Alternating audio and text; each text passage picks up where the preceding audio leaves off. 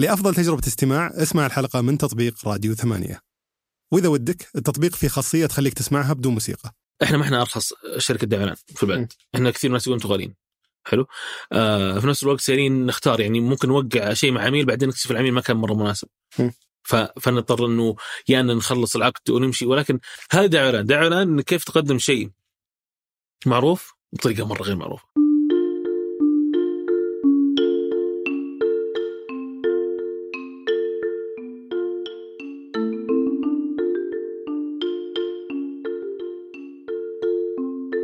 يلا حيهم اليوم نستضيف حسان الأنصاري المؤسس والمدير الإبداعي لشركة حبار، آه، شركة حبار أحد أشهر شركات الدعاية والاعلان في السعودية، اشتهروا بعدة حملات، آه، ممكن شفتوا حملة السكر حق وزارة الصحة، حملة انوش اللي سووها في العيد آه، على سبيل المثال، حتى العيد الماضي سووا حملة مع شركة دي آر سي كان فيها أبحاث أو إحصائيات عن ممارسات السعوديين في العيد، فاليوم بسولف مع حسان عن سبب تأسيسه للشركة، ليش اختار مجال ال- آه، الكتابة الإبداعية؟ وش معنى الكتابة الإبداعية؟ وش الإجراءات اللي الواحد يمر فيها عشان يطلع بفكرة آه، حملة تسويقية جيدة أو إعلان جيد؟ وش التحديات اللي واجهها في البداية آه، اللي أجبرته خ- يعني يقدم خدمات إضافية غير خدمة الكتابة الإبداعية؟ آه، وش ال- أيضا ال- ال- التحديات اللي واجهها مع المنافسين في السوق من شركات الدعاية والإعلان آه، الغير سعودية؟ ليش كانوا هم مسيطرين على السوق وقتها وكيف قدروا السعوديين يأكلون السوق هذا تدريجيا؟ آه، التحديات اللي واجهها مع بعض العملاء وأنواع العملاء اللي آه، يشتغلون معهم، كيف يقدرون يستقطبون المبدعين في السوق وكيف يقدرون يحافظون عليهم، يمكن بما إنه في منافسه شرسه عليهم، خاصة مع القرار الجديد الان مع وزارة ال- الموارد البشرية اللي خلى ال- ال- الوظائف التسويق مختصة في ال- السعوديين فقط، فبيصير في منافسة أكبر على ال- المبدعين السعوديين، وكيف يقدر يتوسع؟ بما إنه هالمجال غالبا ما تقدر تتوسع فيه أو تستقبل عملاء أكبر وتخدم عملاء أكبر إلا بإنك توظف ناس أكثر. فكيف قاعد يتعامل مع التوسع حاليا؟ هل هو بيكتفي بحجم الشركة أو الحجم اللي وصلت الشركة الآن يزيد العملاء يزيد ال... يدور مبدعين إضافيين ينزل الجودة. أمور كثيرة بنناقشها عن آه، حبار وعن سوق الدعاية والإعلان في حلقة اليوم. حياك الله حسان. حييك بيك يا هلا. قبل ما نبدأ بقصة حبار ودي أول شيء أسألك وش حبار؟ بس لاني اللي يدخل بحساب تويتر ويشوف تعري- التعريف حبار بيقرأ كائن مفكر يقتات على الإلهام ويعيش بين المحابر والأقلام يصيغ بالحرف فكرة وربما صورة وقصة. طيب ما تكتب وش تسوي؟ وخلاص هذه جزء من بيع ال... إنكم تعرفون تكتبون يعني ولا؟ يعني آه غير كذا إنه يعني جمهور تويتر يعني كيف أقول لك؟ آه في النهاية اللي يعرفك راح يعرفك. عرفت؟ ولا مو شرط ان أحد يجيك إنه من تويتر. في النهاية خاصة إنه في الموقع في الأعمال حقتنا فغالبا you يعني. بس أنتم بديتوا بال, بال... بال... يسمونه الكتابه الابداعيه ولا؟ yes أول عمليه حبار بدأت ككتابه إبداعية في الأساس مم. شفنا في مشكلة في السوق ويعني أغلب اللي موجودين كانوا على وقت 2014 كان آه، الوضع شوية صعب أنت إيش كنت تسوي وقتها قبل ما تبدأ الشركة؟ آه، قبلها كنت في موظف في multi شركة آه، multinational ترجمها عاد multi أيوة. national شركه متعددة الجنسيات. نعم. Okay. آه، قبل قبل حبار كنت في شركة عالمية حق عالميا. عفوا. أيوه ترجمه ترجمة حرفيا أنا. أيوه. ف ما ناسبني الوضع يعني ك يعني ك خلينا نقول كمستوى إبداع كمستوى يعني ما ما كان مناسب كان شوية مختلف عن اللي إحنا قاعد نسويه. أو أو مختلف مين, أنتم يعني مختلف عن إحنا كسعوديين. اللغة اللي نتكلم فيها آه قصدك الإعلانات اللي تو أو ال- ال- ال- المحتوى اللي يطلع بشكل عام غير بالضبط. متناسب مع هويتنا ومع ثقافتنا بالضبط بالضبط إيه. وفي في شيء ثاني قبل آه، مولينو اللي هي الشركة اللي كنت شغال فيها كنت شغال في فرستوب في جدة المشكلة اللي صراحة اللي كانت تواجهنا بشكل عام يعني غير موضوع إن آه، شيء محتوى محلي أو كلام زينا كان إنه طريقة عمل آه، وكالة الاعلان كانت مهلكة. نقعد إلى الفجر آه، تعب دائما يعني ما كانت خلينا نقول ما تقدر تعيش حياتين أو ما تقدر ما في شيء اسمه عندك حياة شغل أو حياة آه، حياه ما في وقت. لنفسك ما يعني في وقت لنفسك أي. هل هذا سبب إن العملاء كانوا يجونكم في آخر لحظة دايم ولا انه الشغل مو مرتب ولا يعني الشركات اللي كنت فيها كل كل واحدة لها سببها يعني م. آه ولكن بشكل عام لما جينا يعني حتى لما آه، خلصت في السب سلمت على مديري ذاك الوقت آه، اللي هو الحين معانا في حبار آه، بندر طويرقي. فقلت بندر هذه آخر مرة حنشتغل دعايه اعلان 2013 مع بعض قصدي اي كلنا قلنا. قلنا كلنا ما راح نشتغل خلاص وقفنا حرفيا. طفشتوا من المجال ذا اي كانت مهلكة كانت مهلكة مهلكة جدا يعني. فبعدين لما مرت السنين يعني أنا بالنسبة لي مرت سنة جربت اشتغلت في في مولينو فترة. شهر ونص استقلت واشتغلت هناك؟ آه، كاتب إبداعي. حلو. Copywriter فاستقلت على طول كملت معهم بس شهر ونص زيادة. آه، كان في فرص فرصة إني آه، زيادة راتب من زيادة راتب أنا بالنسبة لي كانت خلاص off يعني أنا ماشي. وقتها آه، رحت أرامكو أو كنت رايح أرامكو. مم. مع ال- هو المركز الملك عبد العزيز الثقافي. فأعطوني نفس الراتب اللي كنت آخذه يعني مو الزيادة اللي كان عارضين لي إياها لو فوقتها قابلت رياض الزامل. Okay قال رياض وش تبغى تسوي؟ قلت أبغى أسوي يعني في بالي شيء اسمه حبار شركة إبداعية كذا تسوي شيء مختلف و... وكنت برضو تبغى تسوي كتابة إبداعية لكن تقدمها كخدمة في شركتك إي كنت كنا ناويين آه، نبدأ بكتاب دعائيه، طبعا الكتاب الدعائيه هي بحر يعني ما كان عندنا design، ما كان عندنا تصميم ابدا. مم. فالكتابة الدعائية تشمل حتى كتابة السيناريوهات. بس ما ما كنا كنا كنا plug in، شفت لما يقول لك Intel Inside okay فكنا نشتغل مع شركات إعلان.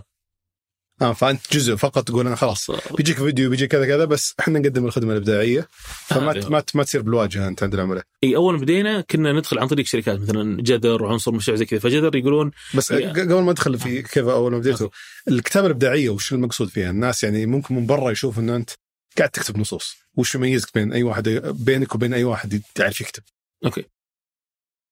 خل أقول لك كيف كيف خل أقول لك كيف وصلت للكتاب الابداعي أصلا. آه كان عندي شغف إني بروح مجال إبداعي بشكل عام، أي شيء فيه أفكار يعني يعني من زمان كنت أشوف إنه حسان وش يبغى يشتغل يبغى يسوي يبغى, يبغى اشياء فيها تفكير. بغض النظر هي دعايه إعلان احس كل شيء أبغى. أفكر. مو كل كل شيء فيه كلش تفكير, موجود عرفت بس يعني شيء يبغى له يبغى له إبداع يعني يبغى له مخ يفكر. تفكير زايد تفكير زايد عرفت. وبطريقة مختلفة تماما يعني. آه فقلت خلاص إيش أقرب شيء المجال هذا دعايه إعلان خلصت دخلت ال دخل جيت قلت أبغى أدرس شيء فني شوي. آه أقرب شيء كان دعايه اعلان كان التسويق. دخلت تسويق في, كلية المجتمع البترول والمعادن. بعدين دخلت الجامعة نفسها. في الجامعة آه كنت أحاول أقدم على جهات فيها graphic design تصميم. آه سواء دورات سواء جامعات سواء زي كذا. كنت أحسب عشان تدخل دعايه اعلان لازم تصير إيش؟ مصمم. مصمم. okay. هذا الشيء الوحيد. عشان تصمم إعلانات. عشان اصمم هذا الفكرة. زي. واحد يقول اصمم فيديوهات. عرفت عليهم؟ فاللي صار إنه آه، وأنا أقدم آه، على الجهات هذه لقيت شيء اسمه copywriting. كاتب ابداعي وش هذا؟ طلع هذا اللي يفكر. مو مصمم. مصمم يفكر بعد بس هذا. طلع هذا اللي يفكر يعني. وهنا جات فكرة إنه لا أنت تبغى copywriting فال copywriting بكل بساطة هي هو كاتب بخلفية مسوق. حلو. هدف عنده يبيع هدف عنده يقنع الناس بشغلة معينة هدف يعني يبدأ من تغريدة وينتهي بفيديو كامل. يعني وش المدخلات اللي تجيه وش المخرجات اللي تطلع منه؟ عادة؟ اللي يجيب brief من العميل. نبذة عن شو حلو. ال brief العميل إيش يقول؟ آه يعطيك مختصر ليش يبغى يسويه فيقول لك يا فلان أنا أبغى مثلا فيديو يقول الناس آه رسالة فلانية هذه ويستهدف الجماعة الناس يعني خلينا نقول أعمار من كذا لكذا يعطيني خلينا نقول وصفة وش يبغى يوصل له. حلو. أنا هنا أقول أوه أوكي ممتاز حلو آخذه ونبدأ مع الفريق الداخلي نفكر لين ما نطلع بالفكرة اللي نبيها. فهو يعطيك خلينا نقول يعطيك الفكرة ال- إيش بالضبط؟ شيء استراتيجي أي شيء. يبغى منك تغريدة يبغى منك فيديو يبغى منك آه، محتوى يبغى منك أي شيء. فالكاتب الإبداعي ما هو محصور شغله على النصوص هو فعليا في بناء الفكرة برضه. بالضبط. هو هو أصلا الأساس هو الفكرة. م. يعني في كثير من الناس يروح على طول للايش كتابة المحتوى. نعم. وهذا كاتب محتوى مختلف عن جدا عن كاتب داعي الكاتب كاتب المحتوى نفسه طويل يكتب لك سكريبت يكتب لك كتاب. الكاتب الابداعي صفحة واحدة ويعطيه العافية لأنه. يطفش يطفش يطفش, يطفش هو هو يطلع بالفكرة الكبيرة. بعدين يبدأ يشتغل عليها يفصلها في فيديو وفي أي شيء ثاني. فأنت لقيت نفسك تستمتع أكثر شيء بهالنوع من ال- بالضبط. الشغل. بعدين قابلت رياض الزامل واقترحت عليه انك بالضبط. أو عرض عليك كونك حتى إنك تبدأ شيء معاه ولا؟ إي قال لي وش عندك؟ قلت له والله في شيء اسمه حبار كذا كذا كذا. وقتها كنت أصلا تو جاني جاني بنت في الوضع أصلا مكركب يعني. إيش. تبغى- تسوي business الحين؟ إيش قاعد تخبط أنت. عرفت؟ آه بس آه جات فكرة وكنت already خلينا نقول وقعت مع أرامكو. أنا رايح أرامكو خلاص. فجاء قال لي بعد ما قعدنا وزي كذا قلت له الله رايح ارامكو قال طيب وين حبار؟ قلت يا إن نبدأ حلو مو مشكلة يعني. قال لي نوت لا تعال قالوا إيش تبغى من ارامكو؟ قلت أنا أبغى من ارامكو خبرة. قال أنت أنت واحد تفكر. مم. تروح تاخذ خبرة من هناك. ليش تروح؟ يعني هناك تتعلم system تتعلم آه hierarchy تتعلم آه خلينا نقول آه يعني كيف الشغل يصير في في اللي هي الشركات الكبيرة. بس ما راح تتعلم ابداع يعني. أول شيء خلينا كيف تفكر. وهنا قلنا يلا توكلنا على الله. حتى كنا في مطعم آه، طوكيو. كنت أول مرة في حياتي أجرب edamame. آه، يعني أروح مطعم طوكيو بس ما edamame ما قد أكلته. ليش ليش أتذكر edamame؟ لأن أبو حمد رياض يقول لي جاء جاب لي edamame هذا قلت وش هذا؟ مم. قال edamame قلت وش edamame؟ فقام يوريني كذا "تعال هذه تاكلها كذا كذا كذا فكانت آه، ice breaker ممتاز يعني. وهناك قررنا نسوي حبار يعني ف وش كنت ارامكو يعني؟ اي اعترفت منهم ما راح آه ما رحت حتى اي آه أنا وقعت الأوفر ما وقعت العقد لسه فقلت لهم يعطيكم العافية أنا ما راح أكمل وبديت باستثمار من من الرياض ولا من الرياض إيه. بدينا إنه خلينا نبدأ حبار حبار هي آه، شركه كتاب ابداعيه الفكرة منها كلها أنها تقدم شيء لطيف للناس شيء رهيب شيء الناس يفهمونه شيء يضحكون عليه شيء يشاركونه. مم. بنفس الوقت وهذه ال value الثانية بالنسبة لي إنه شيء يعامل ال- المبدع أو الموظف كآدمي. عنده حياة ثانية يبغى يشتغل. قوية ذي. إي لأنه اللي صاير في شركة الدعاية إعلان مهلك مهلك مهلك. مهلك. تمام يعني. وإحنا في حبار كل شوي قاعدين نجدد في الموضوع هذا عشان نبغى نبغى في النهاية نوصل لل balance هذا قد أول خلينا نقول توازن. قد ما نقدر. مو مو شيء سهل ابدا. ولكن يعني آه، شركات الدعاية بشكل عام الناس يطلعون آه، بعد ثمانية تسعة عشرة أول الساعة 2 الليل. عادي. م. إحنا في حبار الحمد لله غالبا نتكلم عن ستة ستة ونص سبعة إحنا ماشيين. الحين غيرنا دوامنا رسميا. دوامنا ينتهي أربعة ونص. أوف. yes. من متى لمتى؟ آه تج... آه في عندك ساعة معينة لازم تصير موجود. okay. في المكتب من 10 ل 2 أو شيء زي كذا. آه بعدين ست ساعات في المكتب. ست ساعات ونص تقريبا. الباقي أنا بدخل معك بسالفة ال- المواهب والحفاظ عليها وبيئة العمل وما إلى. ذلك بس خلينا مبدئيا الآن نتكلم عن بداية ال- ال- الشركة أنتم كم بديتوا إيه. تقريبا؟ آه كعدد ولا كاستثمار آه ولا شيء 100000 100000 ريال بس, بس. لحالك كنت؟ آه أنا ورياض بس وت... بس ك... ك... إيه، كتشغيل. إيه، آه، كنت ما في الا انت لحالك صح وش كنت تقدم خدمة وكيف وكانت أتوقع كنت مدير وال accountant وكلش يعني بس وش تقدم خدمات كنت؟ آه كتابة دعائية لكن آه، يجوني خلينا نقول شركه دعايه إعلان ثانية تقول عندنا مثلا فيديو ولا حملة. نبغى نسويها وكانت كثير من الشركات الغير سعودية تجي لأنه تقول أنت سعودي فوش أسوي؟ فإحنا كنت يعني حرفيا نطلع بالفكرة العامه وزي كذا طبعا في غضون شهرين أو شهر ونص وظفت أول موظف عندنا اللي هو فراس الحيدري والحين شريك في حبار أصلا. فبدينا أنا وفراس نطقطق وصرنا يعني إيش كان دوره؟ كان كاتب إبداعي برضه. كان. شركة فيها اثنين كتاب إبداعيين. أنا كنت مدير وكاتب وكل شيء في الحياة وفراس كان كاتب. okay. فكنا نشتغل آه، مع الشركات اللي موجودة ضمن آه، راز. اللي هي يعني راز شركة قابضة. شركة قابضة بالضبط حق رياض الزامل. فكنا نشتغل مع بعض فيجيني مثلا جذر. اللي هو في راز يقول حبار حسان إحنا عندنا عميل نبغى نبغى نسوي له فيديو. آه فأنت فعليا ما تحتاج تدور عملاء أنت. جاء رياض الزامل قال تفضل. حتى حتى الاستثمار ما نحط في في البنك على طول. يعني إحنا نحط في البنك لما اشترينا أشياء معينة اشترينا نبغى ثلاث تجيب فلوس بس. بس يعني ما حطيت يعني رواتبنا الحمد لله جبناها من أول شهر. أوه، بداية آه، جميلة هذه. اي ممتازة الحمد لله. آه ف فزي كذا. فلما بدينا صرنا نشتغل عن طريق الشركات اللي معانا. الشركات اللي معانا هنا صارت تطور. الشركات صاروا يسألون الشركات اللي جايبيننا. طبعا إحنا كنا عندنا شرط. إحنا نروح معك تقول معي حبار. okay. إي أنا ماني آه، شيء مخفي ما حد يدري لا تقول معي حسان أنصاري من حبار.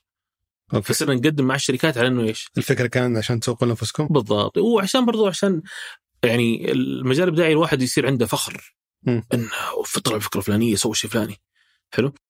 بس آه، كيف تأكد انهم فعلا دخلوك في العرض؟ كنت أدخل أقول حسان أنصاري من حبار. ما كنت يعني- تحضر معهم اجتماعات yes yes ما ما كنا ما كان عندنا فكرة إنه آه، أنت خذ الفكرة وروح وروح قدمها باسمك لا كنا نقدم مع بعض. والحمد لله الشباب كانوا كانوا داعمين جدا أصلا بالعكس تعالوا حبار خل خل نتكلم يعني كلنا اللي صار إنه العملاء مع الوقت قالوا يا يا الشركة الفلانية مين انت الأفكار هذه؟ قال حبار قال جيبوا حبار. فالعملاء صاروا إيش يقولون؟ يقولون خلاص إحنا نبغى نتعامل مع حبار أوكي وحبار بعدين يجيبكم انقلبت عليه. أوه okay. فهذا اللي صار يعني. بس وش اللي وش اللي يميز؟ يعني وش يخليك تتميز في في المجال هذا؟ يعني ممكن المستمع الان اللي يسمع يقول أنا أقدر اطلع فكرة إعلان ولا فكره فكرة حملة تسويقية ولا ذا عادي أقدر أشطح وأجيب لي أفكار. فوش اللي يميز بين ال- ال- الشركة الجيدة في هالمجال وبين الشركة مش حالك؟ إذا كلهم سعوديات مثلا. طيب حلو. أم... okay كثير من الناس يشوفون إنه ال... هو مجرد تفكير أنا بس بفكر وب... أنا أشطح أنا أصلا في البيت. أي يبون فكره يكلموني بالضبط. اي تصير. آه ال... هي هي مجموعة أشياء مجموعة من أشياء على هي استراتيجي على على على brief على عميل على على وضع نفسي أنت عايش فيه ذاك اليوم.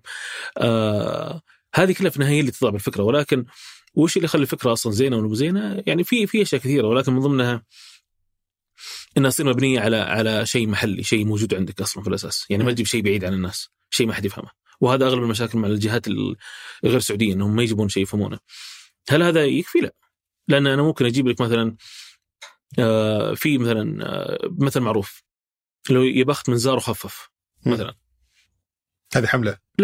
م- مثل معروف يا بخت من زار وخفف. يعني يا بخت من جال تقول مثل معروف الجهة. لا، لا. راح بشطح بالي أيوه. لا مثل معروف يقول يا بخت من زار وخفف فهذه مثلا يقدر يجيك واحد يقول أخي أنا سعودي أنا اعرف أعرف الكلام هذا. ويطلب حملة بخت من زار وخفف. هذا بالنسبة لي هو استخدم شعار موجود وما عنده عليه أي شيء ما في أي إبداع هنا.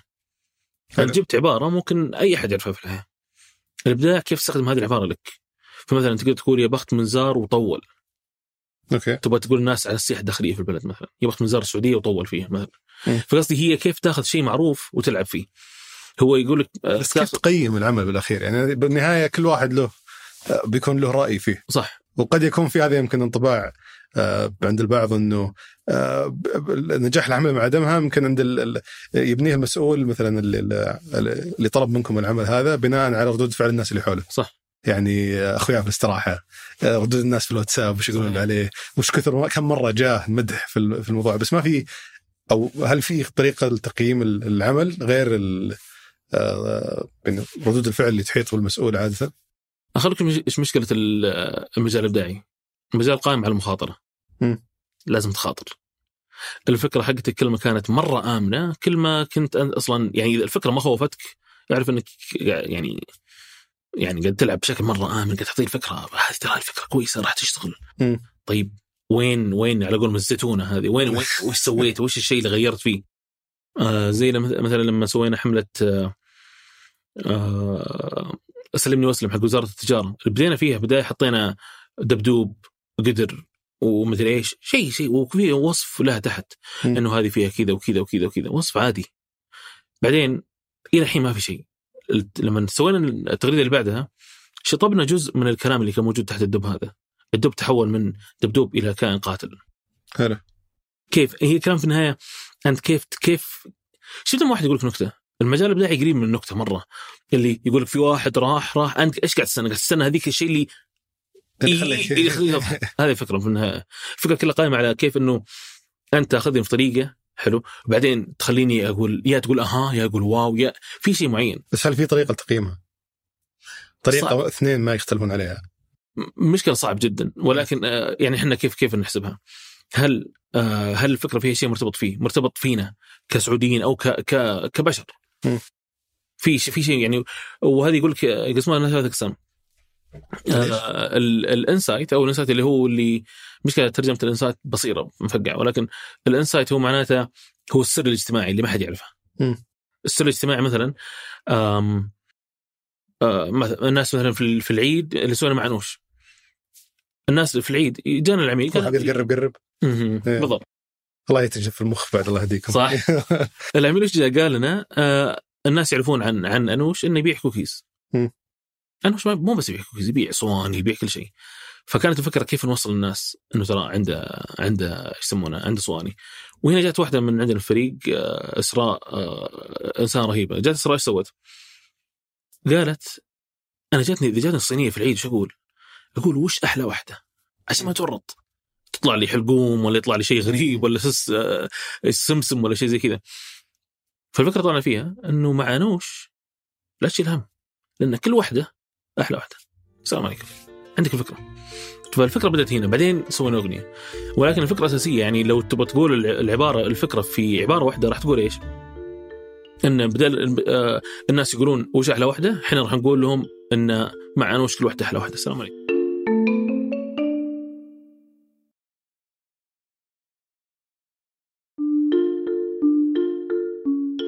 بس كإجراء للخروج بالفكرة الحين لما جاك واحد أعطاك آه، brief مم. وش وش ترجم- وش ترجمنا brief إحنا؟ المختصر الإبداعي. إيه المختصر الإبداعي. جاك أعطاك المختصر الإبداعي. هل فيه إجراء معين تمشي فيه للأفكار أو إنه تخليها على المزاج؟ يعني تشوف متى ما أنت رايق اصبر خليني أركز الحين وأشوف وش الفكرة اللي يطلع فيها. خلوا لك شيء هل في طريقة علمية Yes. لتقسيم الأفكار؟ وبعدين مثلا ما أدري ما أدري شلون تسوون حلو. هي في طريقة. آه، طبعا لو تسالني وش العملية الإبداعية؟ العملية الإبداعية بالنسبة لي هي هي البحث. أهم شيء في العملية الإبداعية هو البحث. اللي يصير عندك وش طبعا لو تراجع ال- ال- اللي هي يسمونها ال creative process أو أو طريقه طريقة التفكير الإبداعي آه، إيش يصير؟ في لها في لها شيء معين، أول شيء لازم يصير عندك مشكلة. في brief تبغى تحله، في مشكلة، أنا ال- المختصر الإبداعي إذا ما كان في مشكلة إذا ما خلاني أنا أسوي كذا أحلف إنه في غلط، بريف نايم ما في شيء، حلو؟ آه فبعد كذا تروح البحث. يعني خلصت أول شيء خلصت شفت بريف فهمت إيش السالفة روح بحث. تخيل واحد تخيل واحد آه، مغرز في البر. حلو؟ هو مغرز هو عارف إنه مغرز ولكن قاعد في السيارة أو خلينا نقول مو عارف إنه مغرز واحد قاعد في البر السيارة ما تتحرك واقفة.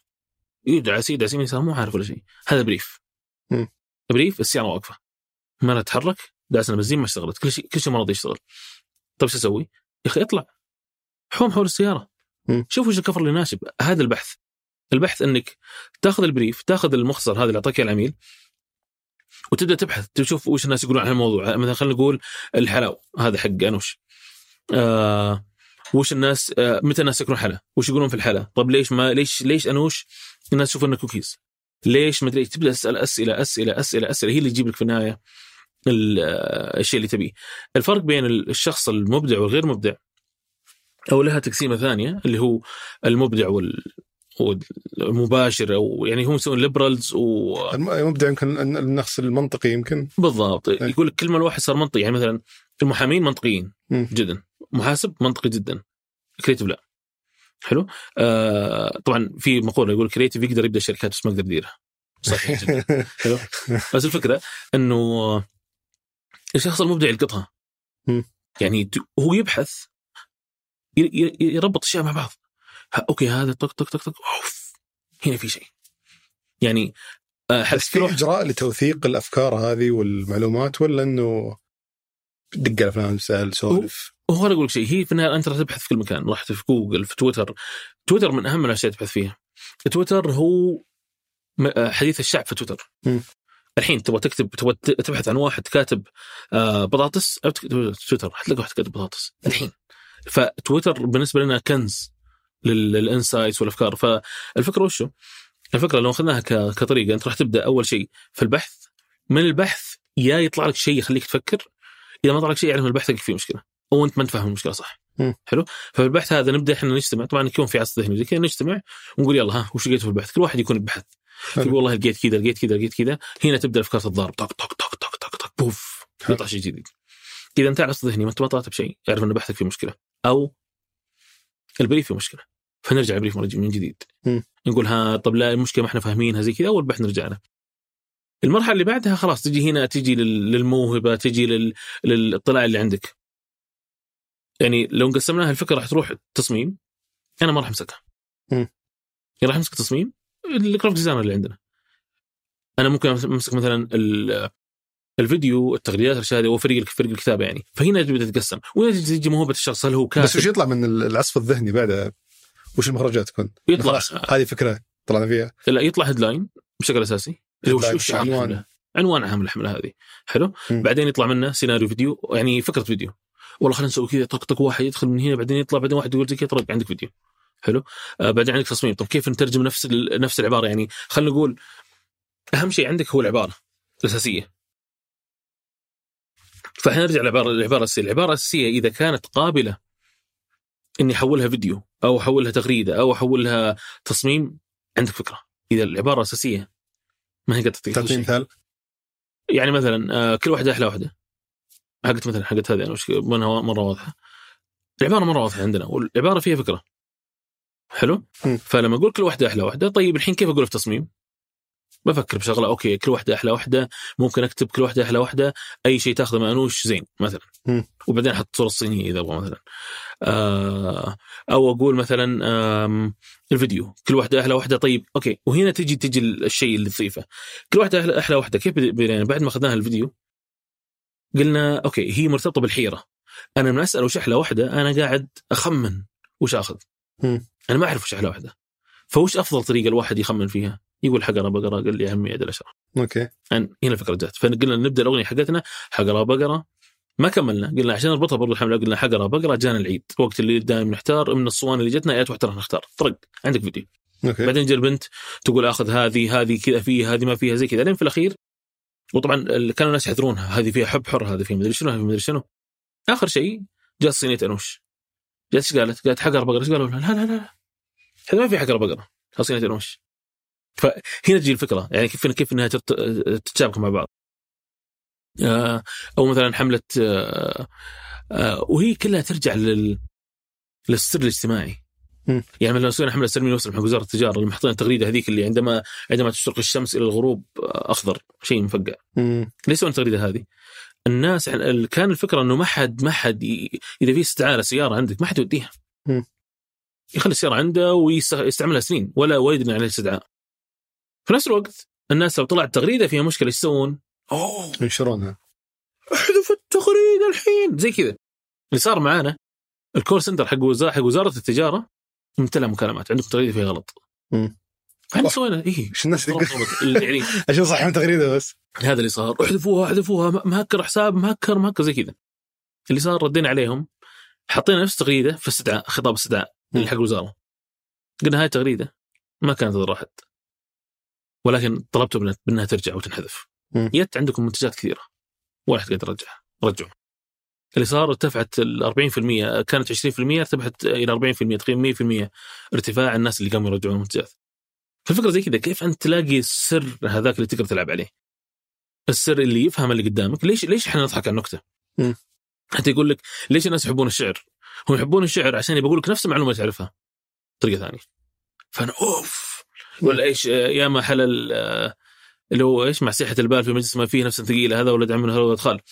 إيش ترى الكلام اللي قاعد يقوله؟ يا يا زين إنك تقعد مع واحد مجلس ولد خالك كلام. منطقي بس الطريقة اللي قالها فيها تخليك. تنبسط. هذا دعوه دعوه كيف تقدم شيء معروف بطريقة مرة غير معروفة. فأنت تقول هو مرتبط بالإجراء أكثر من الإلهام. هو في النهاية الإلهام ما يجي يقول لك garbage in garbage out تحط زبالة هنا تطلع زبالة هنا ما في شيء. okay. حلو؟ فالفكرة وش؟ قديش ما كان بحثك صح؟ وقديش أنت فاهم المختصر حق العميل صح. ومتشبع الفكرة قديش راح تطلع بشيء إذا أنت ما أنت فاهم الفكرة ما, ما تفهم إيش يبغى. ولا أنت متشبع ولا أنت عايش ما راح تطلع بشيء تماما. في النهاية لازم لازم تعيش ال- الموضوع بكامل تفاصيله. وفي فيها فيها ذكاء يعني عرفت؟ يعني يمكن شفت حملة آه، الحملة اللي يسوونها دي أر سي حقت اللي هو بحث العيد. اللي واحد آه، لا والله ما أذكره. آه يبغى أشوف تونس الفكرة حقتها إنه واحد يقول اهلين أنا خالد اليوم مديري قال لي سوي بحث عن العيد الدي ار سي شركة بي تو بي ما تشتغل الناس طيب إحنا كيف أقول هي في النهاية هي ملد ما هي تقدم خدمات سلسلة. الأفراد ما. تقدم للافراد ابدا إيه. قالوا لنا نبغى نسوي شيء في العيد قالوا ممتاز خلينا نحول العيد من B2C event إلى يعني من شيء للناس إلى شيء للشركات. إيش الفكرة؟ قلنا بنسوي فيديو بنسوي بحث حقيقي كامل البحث هذا راح يخلي يعلمنا كم واحد يلبس سماغ. كم واحد يشرب قهوة. مين يروح عند خواله. مين يروح عند عمامه. سوينا بحث كامل. حقيقي سووه الجماعة في DRC استفتاءات وكذا؟ سووا كامل. راحوا سألوا الناس في الجنوب في الرياض في الغرب. سووا بحث كامل. بعدين اعطونا معلومات. إحنا كتبنا سكريبت طبعا البحث هذا هو في صميم عملهم أساسا. بالضبط. إيه. ليش شركة إحنا أبحاث هي. بالضبط. ليش إحنا سوينا الحركة هذه؟ صانع القرار. مين يهمه؟ يهم ال end result يهم ال ال ال ال- النتيجه النهائيه النتيجه النهائيه يهم يهم الناس. هل أنا لو سويت قرار فلاني ولا أعلنت عن الحملة الفلانية الناس راح يحبون ولا يكرهون الوزارة أو الشركة أو زي كذا؟ اللي هم يستفيدون من خدمات DRC بالضبط. إيه. ف DRC لما لما ورت العملاء إني أنا أفهم الناس أفهم اللي يلبس شماغ أفهم اللي يلبس غترة أفهم اللي رايح عند خواله أفهم اللي يشرب قهوة أفهم اللي يشرب شاهي. هنا أنا قاعد قاعد نحط DRC إنه تبغى تكلم الناس روح مين؟ عرفت؟ فهي في النهاية زي كذا هي هي العملية الابداعيه كثير من الناس يشوفونها عمل غير عملية غير منطقية، أنا بالنسبة لي عملية منطقية جدا، مو منطقية إنه منطقي يفكر فيها لا. بس هي واحد زائد واحد يساوي اثنين. اللي يلقطها اللي يعرف انه هنا في في في شيء يضحك. يعني مثلا عندي بنتي مثلا آه دائما نطقطق. حلو. فذيك مرة قلت لها عشان أقول لك كيف كيف الواحد يلقطها.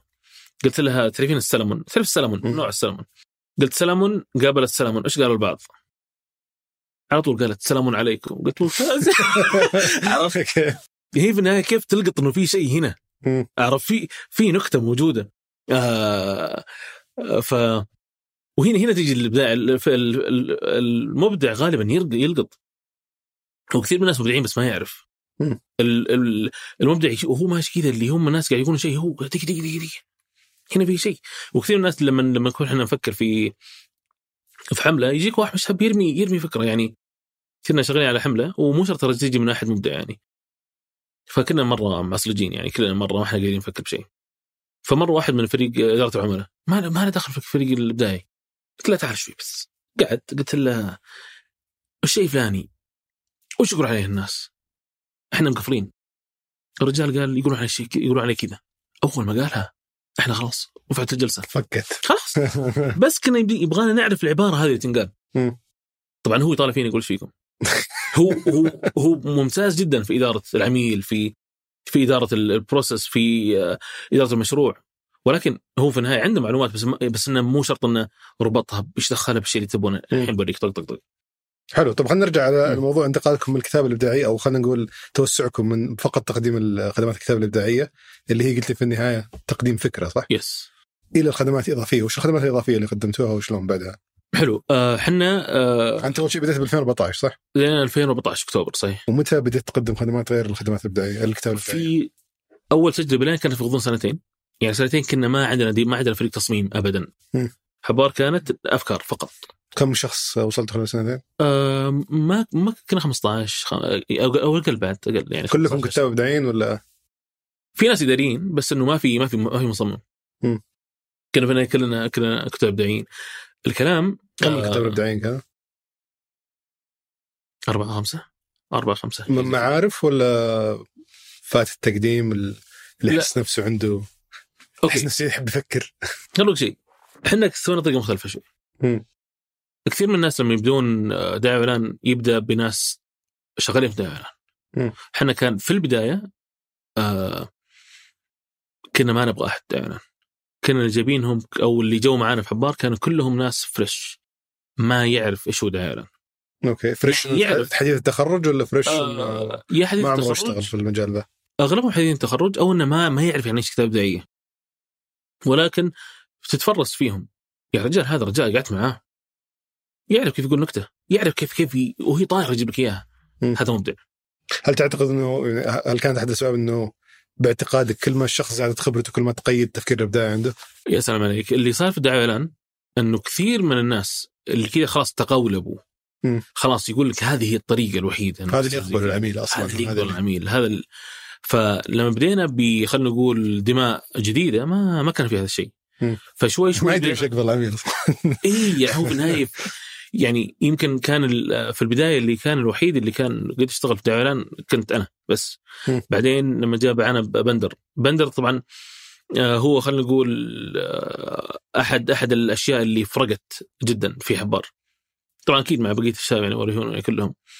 آه، بندر كان مديري في فرصب هو اللي علمني اعلان حلو. حلو. فبندر لما هنا صارت هنا صارت لحظة تغيير.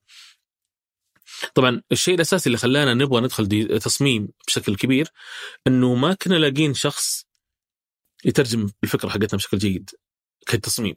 حلو. فصارت الفكرة مفصول عن التصميم. يعني أفكر بشيء كنا كنا production line خط إنتاج. خلص فكرة ودي تصميم. فالتصميم مو دائما يكون إيش؟ راكب عليه. راكب على الفكرة إيه. أو مو فاهمين وزي كذا وكان تصميم خارجي ولا؟ خارجي كان آه تعاملوا مع شركة ثانية مع شركة ثانية فمع من شركات راز ولا إي غالبا شركة راز كانت عنص- عنصر مشع وغيرهم يعني مم. فمو كل مرة كنا نلاقي نفسنا إحنا aligned خاصة إنه عادة يكون في مديرين إبداعيين اثنين مختلفين تماما يعني هل ممكن إنه ال- الشخص المسؤول عن التصميم رأيه ياثر على الكاتب الإبداعي؟ هذا هو اللي صاير شوف لما أقول في طباخين. هذا يصير في طباخين على الموضوع. في creative director ومدير إبداعي في شركة شركة ثانية وفي واحد في حبار. فاقول لهم هذه الفكرة حقتنا نبغى هذا ال design. لا ما أدري إيش فيصير في في مو شرط إنهم غلط بس يصير في هنا يصير في عدم لقاء شوي. فاللي سويناه قلنا خلاص إحنا لازم يصير عندنا design قصدي من هو العملاء صار يقولون العملاء يقول يا أخي أنا بعطيك فلوس. بس هو design okay خلينا نشتغل. نعم. فقلنا خلاص نبغى design آه هنا آه تكلمت بندر. بندر كان هو اللي طلع وياي من فرص قلنا خلاص هذه اخر مره نشتغل دعايه مم. فلما بندر طلع كان راح آه، برا السعودية آه، آه، يمكن أربع سنين تقريبا. فقلت له متى راجع؟ قال راجع وقت فلاني قلت له خلاص خل طبعا اشتغل معنا أول عن بعد شوي عشان نشوف كيف الوضع يعني. والحمد لله اشبكت يعني. وهنا لما رجع بندر بندر صار دخل معنا في حبار وصار شريك برضه في حبار. حلو. فبندر دخل في 2000 وأتوقع 17 17 كيف تيك يمكن يمكن هالحول يعني. وش القيمة المضافة حقتها كانت؟ بندر كان أول أحد يجيب design في حبر. أول من يدخل ديزاين شو تقول لك من أدخل الأصنام في جزيرة العرب هو اللي ادخل design في حبر. okay. عرفت؟ وهنا بدينا نبدأ نشتغل خلاص. نمسك خلاص التصميم صار عندنا داخلي طورنا team وخلينا نقول من وصار داخل في عملية الكتابة الإبداعية يعني مو مو ما يجي بعده. أيوه بالضبط. بندر هو مدير إبداعي. طبعا المدير الابداعي فيه له- لهم أو الشخص المبدع له طريقتين. يا إنه يكون visual led من بصري فهو مصمم أو copy led كاتب في الاساس ففي يقول لك المدير الابداعي غالبا يكون قوي في الاثنين. مم. يعني كل ما أنت تبغى تبغى يعني خلينا نقول يعني حتى لو ما كنت مصمم أنا ماني مصمم. بس في النهاية أقدر أحكم إذا التصميم حلو ولا مو حلو. مم. آه ف ف خلينا نقول هذا اللي اللي أضافه بندر وصرنا خلاص لا صار عندنا تصميم كامل. أنا ما- كنت أفهم واجد في التصميم فما أقدر أجيب فريق أنا أعلمه. فجاء بندر وصار هو اللي ماسك. صرتوا تكملون بعض كتابه إبداعية وتصميم. بالضبط بالضبط. آه وبعدها خلاص يعني آه هنا حبار بدأت آه تكبر تكبر. طبعا التصميم يندرج تحت الفيديو برضو ولا؟ لا الفيديو اشياء ال motion وال ولا أنتم ما تشتغلون motion؟ ال motion كل- نسوي كله برا يعني غالبا برا حبار آه ولكن آه ال video production تصوير مختلف تماما عن يعني حتى لما إحنا نسويه يعني في النهاية الكاتب الإبداعي هو المسؤول عن كتابة السيناريو وليس المصمم. والتصميم وش اللي وش مخرجاته القسم اللي عند بندر؟ آه وقتها يعني إي طبعا كيف كانت؟ كانت قص... إحنا عملناها بطريقه مختلفة. ما كانت قسم تحت بندر قد ما هو في مدير إبداعي حسان وفي مدير إبداعي بندر. ولكن مين الشخص المسؤول أو يتأكد إن التصميم صح ولا غلط كان بندر. من الأخير. مم. أم... آه ف... تصميم إيش يعني وش المخرجات اللي تطلع من عنده؟ نتكلم على بوستر نتكلم على آه، إعلان طرق نتكلم على كل الاشياء في النهاية اللي هي في النهاية راح تطلع في صورة مم. عرفت راح تجيك صورة في واتساب راح تجيك صورة في تويتر راح تجيك آه، فهذا هو التصميم اللي نقصده حلو في تصميم جميع الإعلانات اللي موجودة إي كلش إيه. آه ال- الفيديو مختلف الفيديو في النهاية لازم تتعامل مع شركة إنتاج تصور تروح وتجي ففي النهاية هذا الفرق تقدر تعطيني مثال على آه، مثلا فكرة كانت عندكم. وكان صعب تصميمها لأنها كان طرف ثالث ما كان له دخل في الموضوع الطرف الثالث من تقصد؟ يعني شركة أخرى برا ب- غير غيرك أنتم العميل يعني آه. آه كان في مثلا أحد حملات حملة السكري. اللي طلع فيها وجه السكري هذاك الغريب أي. وزارة الصحة. هذيك لما سويناها كان التصميم مع شركة ثانية. العميل ما عجبه التصميم. بس وش علاقته هذا بال ال- إن التصميم جاء بعد الفكرة؟ آه إنه شاف الفكرة عطى عطى موافقة على الفكرة كاملة. التصاميم قلنا خلاص بعدين بنسوق تصميم فلما شاف الفكرة عجبته عطى عليها موافقة. لما جاء التصميم قال لا يا جماعة هذا شوية مختلف عن الفكرة وزي كذا طبعاً. طبعا يوم شاف الفكرة حرفيا يوم شافها بعيونه بالضبط. وقتها اختلف تصوره للموضوع فقال لا غير مناسبة بالضبط طبعا مو معناته إنه شغل الشباب كان مو بزين لا بس إنه كان مو هذا اللي يبيه بس فصار ما- تقدم له بشكل بصري يخليه يقدر يحكم على الموضوع بشكل واضح ولا؟ آه؟ ممكن نرسم عليه storyboard زي كذا بس إنه في الأخير المنتج النهائي قال مو هذا اللي يبيه إيه. فاللي صار محدث X صمم شيء طلع فممتاز أوكي قدرت تظبطها يعني. قدرنا نضبطها يعني.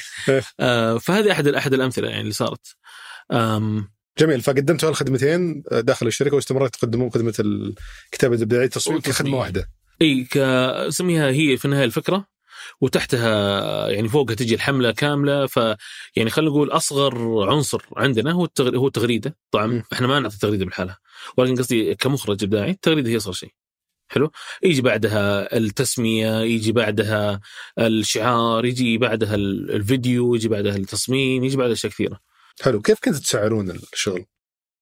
هل كان في آه. أسعار يعني ستاندرد ومعروف متعارف عليها في السوق أو إنك طلعت بطريقة مختلفة للتسعير؟ والله في البداية كان وضع آه، وناسة يعني كيف؟ يعني أول فاتورة أتذكر حبار الحين بروزينها عندنا 2500 ريال أيوه تعليق صوتي عرفت بس كذا تعليق صوتي ما كان في شيء ولكن كشركة سعودية في البداية خاصة في 2014 ما كان كان الناس يشوفون إيش قاعد تسوون أنتم. يعني okay يعطيك العافية وخاصة حبار كنا مصعبين على أنفسنا كثير من الجهات ال- من شركات الاعلان كانت ترز التصميم إنه أنا بعطيك أربع تصاميم و25 وما أدري زي كذا حبار ما كان عندنا شيء كان عندنا إيش فكرة. فقول يا جماعة الخير أعطيكم فلوس على إيش؟ ما قيمتها ما كانت واضحة إيش فكرة؟ تقول بيجيك فيديو في الأخير بس لا ما علي أنا أبغى في النهاية إيش؟ تبي منتج كامل ما بتقول لي بعطيك فكرة دبر عمرك أنت بالضبط وهذا مشكلة صارت في التصميم أكثر مرة، الفيديو يصيرنا بعدين خلاص نهندله مو مشكلة يعني.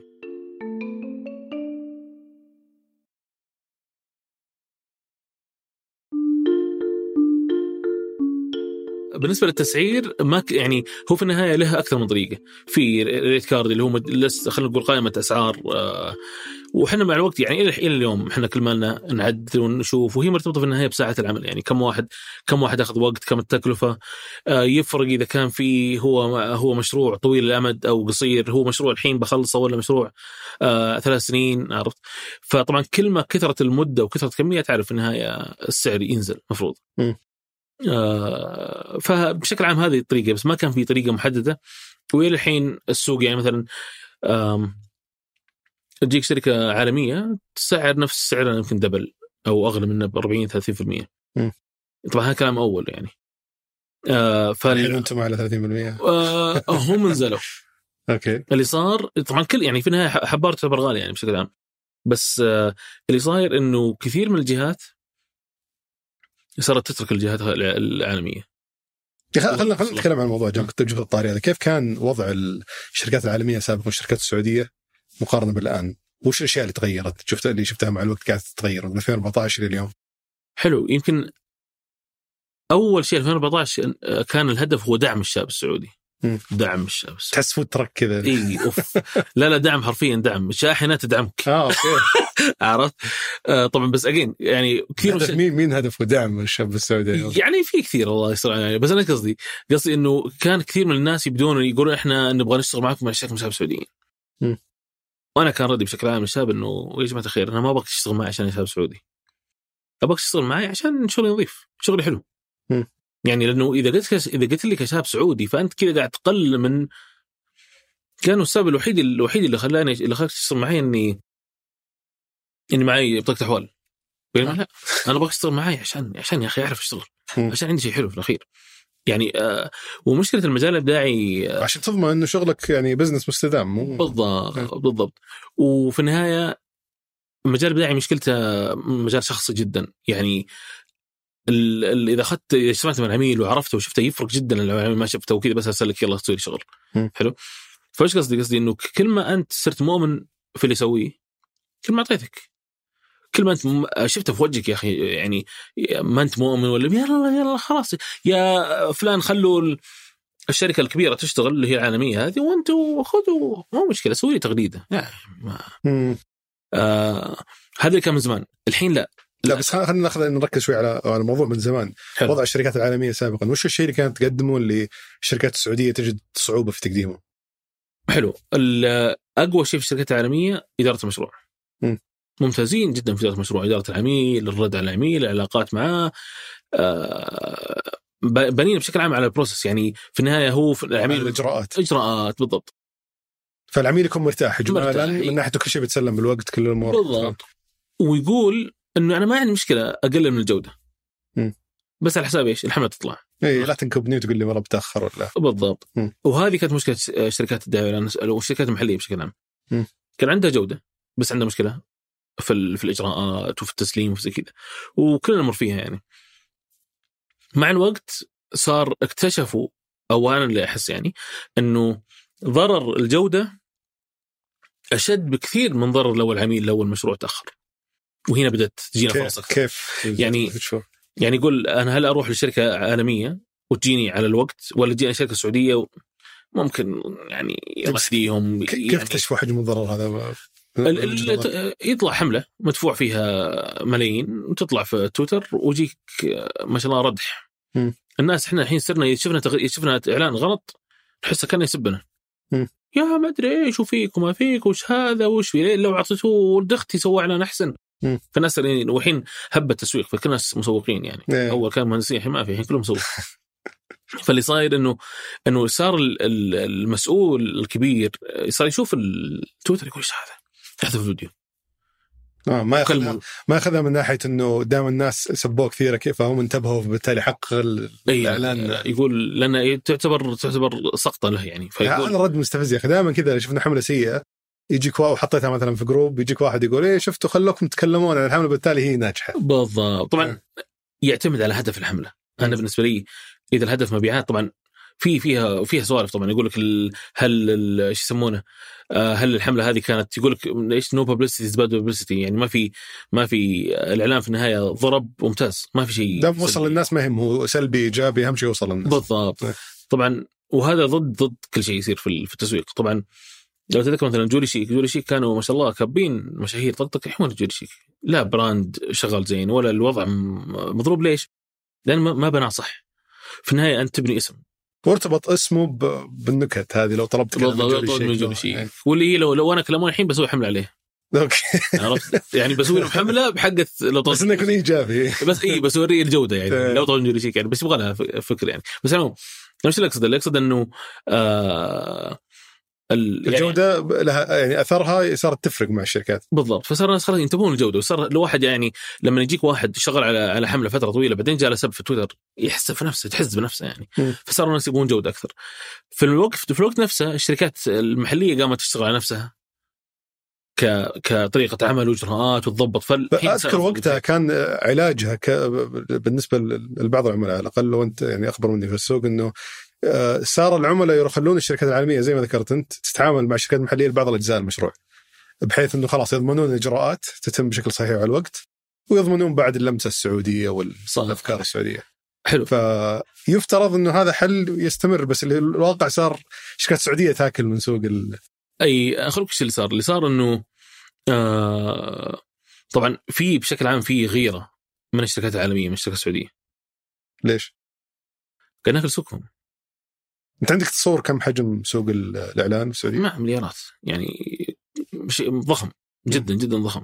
ولكن اللي اللي يعني مثلا في أحد الشركة في شركة قدمت عليها لما أول ما تخرجت أعطوني راتب تسعة ونص. قلت لهم 15 وتحت ماني ماني جاي يعني أقل من 15 ما راح أجي ما راح أشوف العرض. شركة عالمية يعني. الشركة العالمية الحين أخذنا شغلها. أوكي. فأنا إيش قصدي؟ هم فالموضوع يقلب شخصي شوي بعض الأحيان.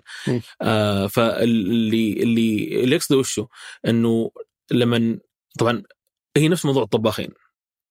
لما يجينا عميل يقول لي اشتغل مع شركه فلانيه حلو. أنا أقدم الفكرة لمين؟ ما أقدم العميل أقدمها الشركة. وش يجي الشركة؟ مديرها مدير الإبداعي هو اللي تقدمها الشركة ال- ال- العالمية هذه. بالضبط. فأنا ما أقدم العميل غالبا هذا يصير. فالمشكلة إنه المدير الإبداعي اللي شاف الفكرة حق حقت حبار يقول لا لا هذه مرة مختلفة عن اللي نبغاه يا عمي ركز أنا بوصل لعميلك. لا لا لا خلاص لا انسى. يكلم العميل يقول الفكرة مو زينة. okay. عرفت؟ بس فعليا أنا يبي يطلعك بس الموضوع. هو يبغى يطلعك أو بعض هو مو فاهم. يعني كأني أنا أجيب لك أقول لك مثلا خلينا نقول نكتة مش مفهومه في الحجاز مرة وأقول لك إياها. أنت تقول ما فاهم شيء ما يضحك. طبعا أكيد ما اثبت لأن ما سعودي. عرفت؟ فهذا هذا المشكلة اللي صارت. آه وفي مرات وصلنا مرحلة إلى إحنا كلام العميل العميل قال لنا اشتغل على الجهة الفلانيه والله اشتغلنا بس قالوا اشتغل مو زين قالوا السعوديه شفنا شاف الشغل قال approved okay. فكان في شيء. يحطون في موقف محرج حتى مع العملاء قصدي. بالضبط. وحنا الحين صار عندنا قاعدة إحنا ما نشتغل مع ايجنسي. خاصة إذا كانت عالميه يعني قصدي إحنا نشتغل بشكل مباشر مع العميل حتى لو ايجنسي جابتنا أو وكالة عالمية جابتنا قول ممتاز يعطيكم العافية. ال payment أو الدفع بيصير عن طريقكم. ولكن أنا أبغى أشتغل مع العميل أنا أبغى نتكلم أشوف عن آه، وكالات الدعاية والاعلان صحيح. هذه عادة بس لل- للمستمع اللي ما. قد اطلع على الموضوع هذا. ليش الشركات ما يكون الشغل هذا كله داخلي؟ ليش تتعاون مع وكالة دعايه واعلان عشان تشتغل تشتغل لها الحملات حقتها. آه، روح جدد روح جديدة. يعني دائما إذا كنا إحنا غايصين لو برجع لموضوع السيارة المغرزة أنت قاعد في السيارة. فأنت ما انت شايف ليش السيارة مغرزه أنت تتوقع إن السيارة مغرزة وتتوقع ان فيها مشكلة. بينما اللي برا قاعد يشوف طريقة ثانية قاعد يشوف قاعد يشوف آه إنه لا ترى في مشكلة فلانية ترى في كذا. فهو يعطيك خلينا نقول نظرة جديدة تماما. وفي جهات كثيرة وأنا ماني ضد إنه يصير في عندك فريق داخلي. لازم يصير عندك فريق داخلي خاصة بالاشياء اللي اللي شغالة بسرعة واللي فيها متابعة واللي فيها كذا اللي, اللي أصلا ما عندك وقت تطلعها برا. حلو؟ زي ولكن يعني تغريدات المحتوى فيديوهات سريعة تغطيات في أشياء معينة لازم تسوي داخليا. وفي مشكلة ثانية مو عند العميل هي عند فريق الابداع فريق الابداع إيش مشكلته؟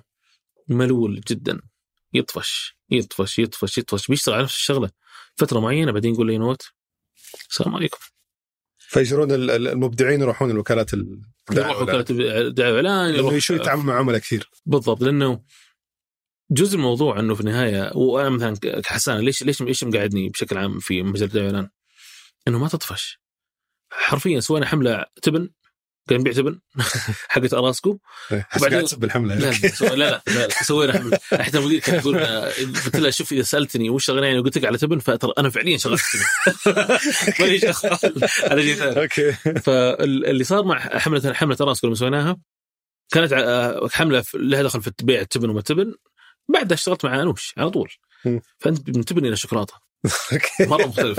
وبعدين مرة تبيع B to B تبيع تبيع DRC بعدين تبيع جرير بعدين شفت الحملة آه، سوينا فيها آه، ولعت جدا. سوينا فيها طبعا هنا تيجي يجي الذكاء. اللي صار آه، كان في ردة فعل سيئة على راسكو إنه التبن حقهم اللي هو مصنع هذا مكعبات إنه مو بزين مو بزين وزي كذا. فكان ال- المختصر إنه نبغى نسوي شيء يقول للناس إحنا فاهمينكم. يا الرعاة الابل يا اللي عندهم حلال ترى فاهمينكم. فطلعنا بدت بدت من عباره واحدة. دام اللي هو دام هذا طبعكم إحنا من ربعكم خلاص. فسوينا كلمنا شاعر آه، رهيب. آه، شاعر من آه، من نفس الفئة اللي نبغاها يعني. وكتب لنا قصيدة رهيبة.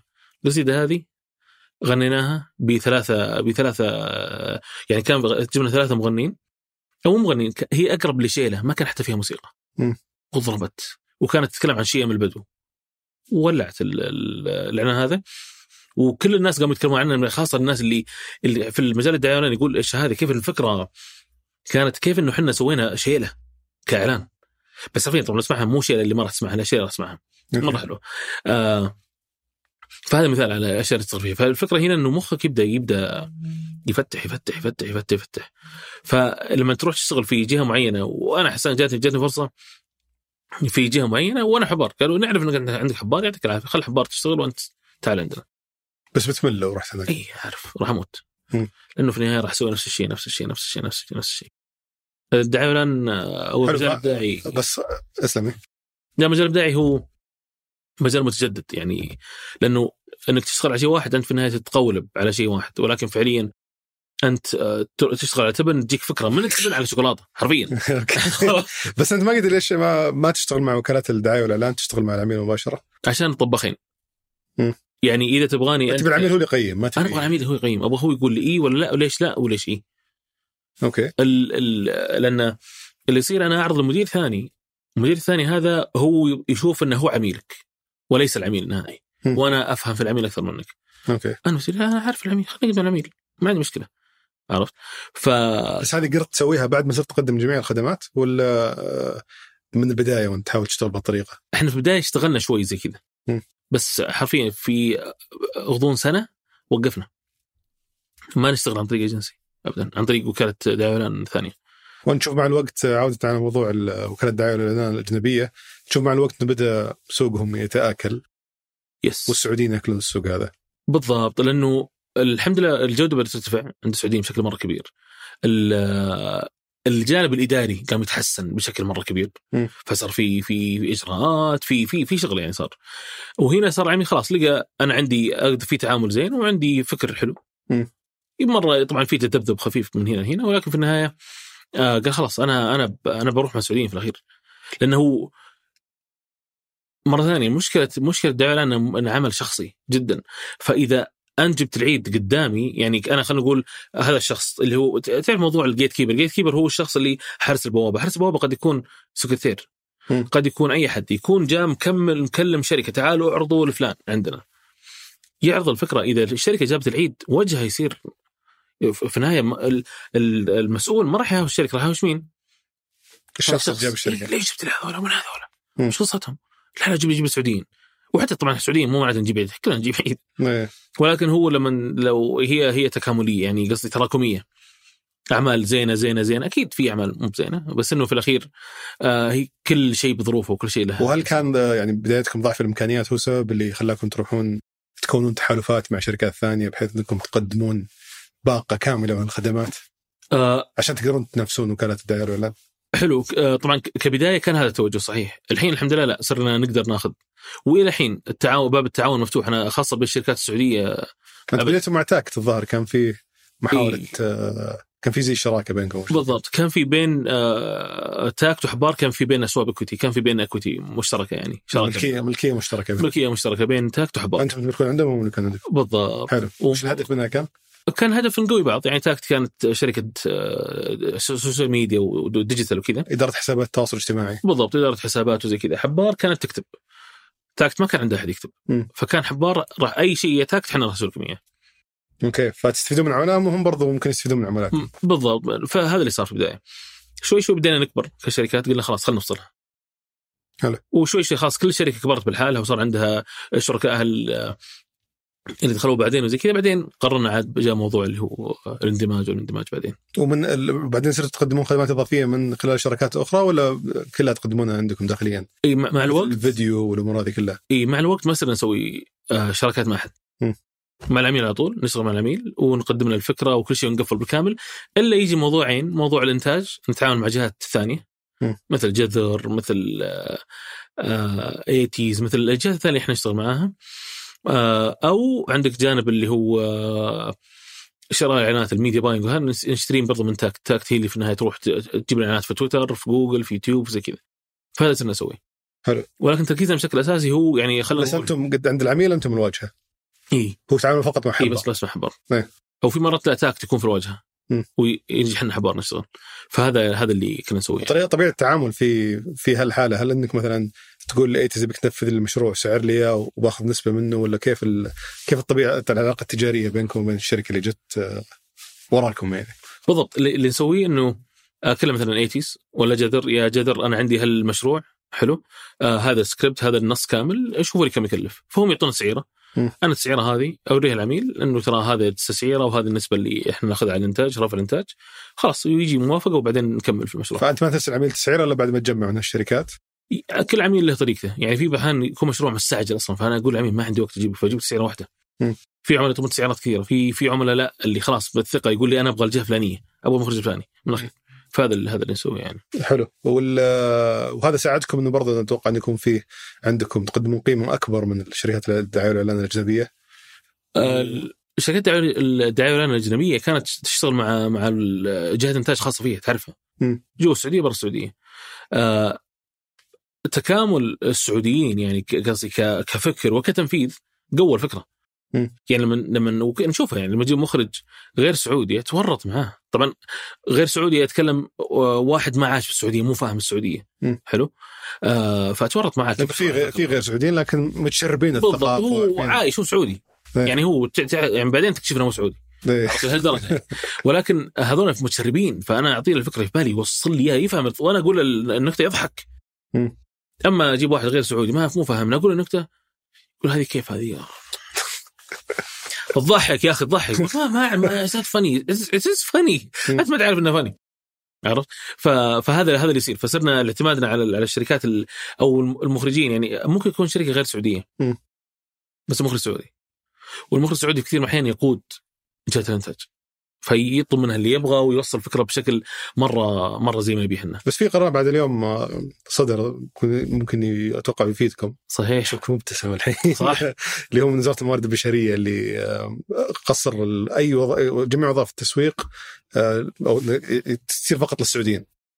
فأعتقد هذا بيخدم القطاع بالنسبة لكم بشكل كبير أنتم اتاكد متأكد أنكم مم. مسعودين عندكم كل ال...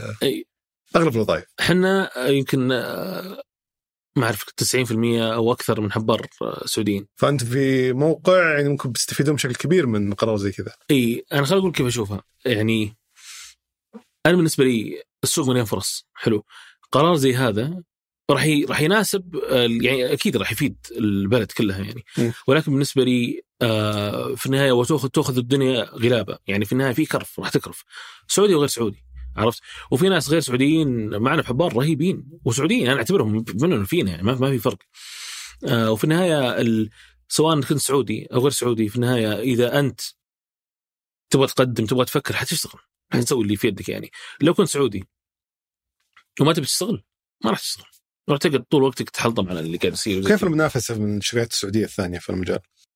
آه طبعا من تالي صار كثير الشركات السعودية. وهذا شيء مرة ممتاز. السوق مرة كبير. وحتى أقول للشباب دائما يعني حتى من هنا يعني شباب الشركات الثانية السوق كبير ضخم. من ينافس حبار مثلا؟ آه تي تي بي. آه فيصل عبره.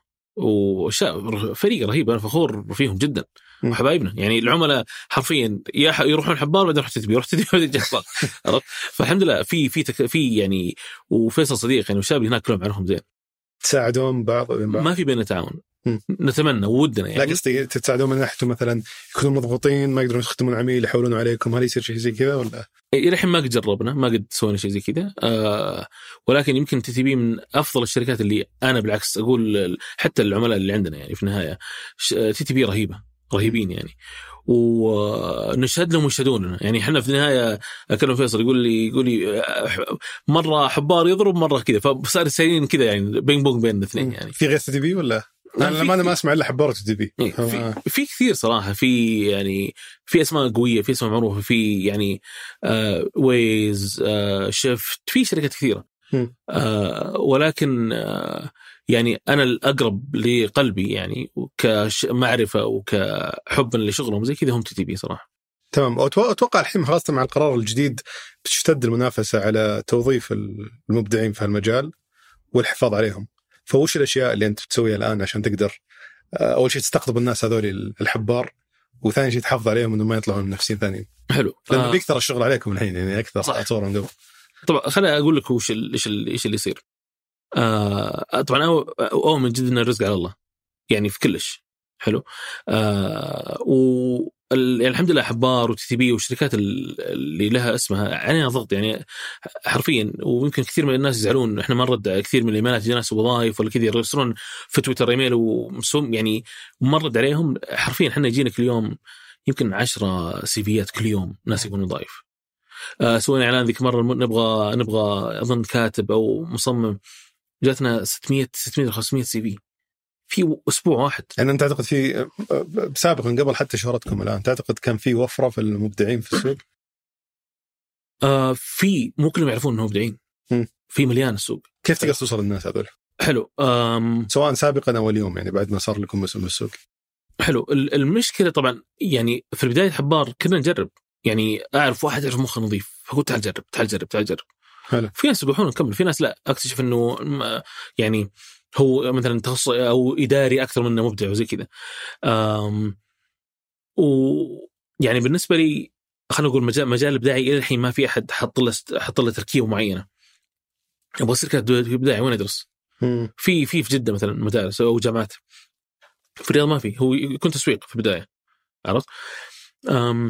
فاكتشافهم إلى اليوم تعتقد إنه صعب؟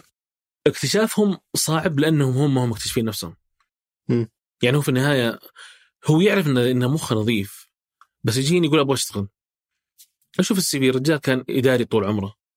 أو يجينا سي في واحد يكون مرة متأخر شخص يجينا مثلا عمره 45 سنة يبغى يجرب كتاب ابداعيين. طبعا يعني مخك تكون وخلاص يعني. يعني ولكن الفرص موجودة ولكن إيش إيش قصدي؟ قصدي إنه آه كثير من يعني كثير من الناس ما ما يعرف إن عندها الملكه. هل في مشكلة في ال في ال في في خلينا نقول الموارد البشرية حقت المبدعين يس. في مشكلة في في ندرة ندرة مو عشان ما في مبدعين في مبدعين بس اللي يعرفون نفسهم مبدعين قليل.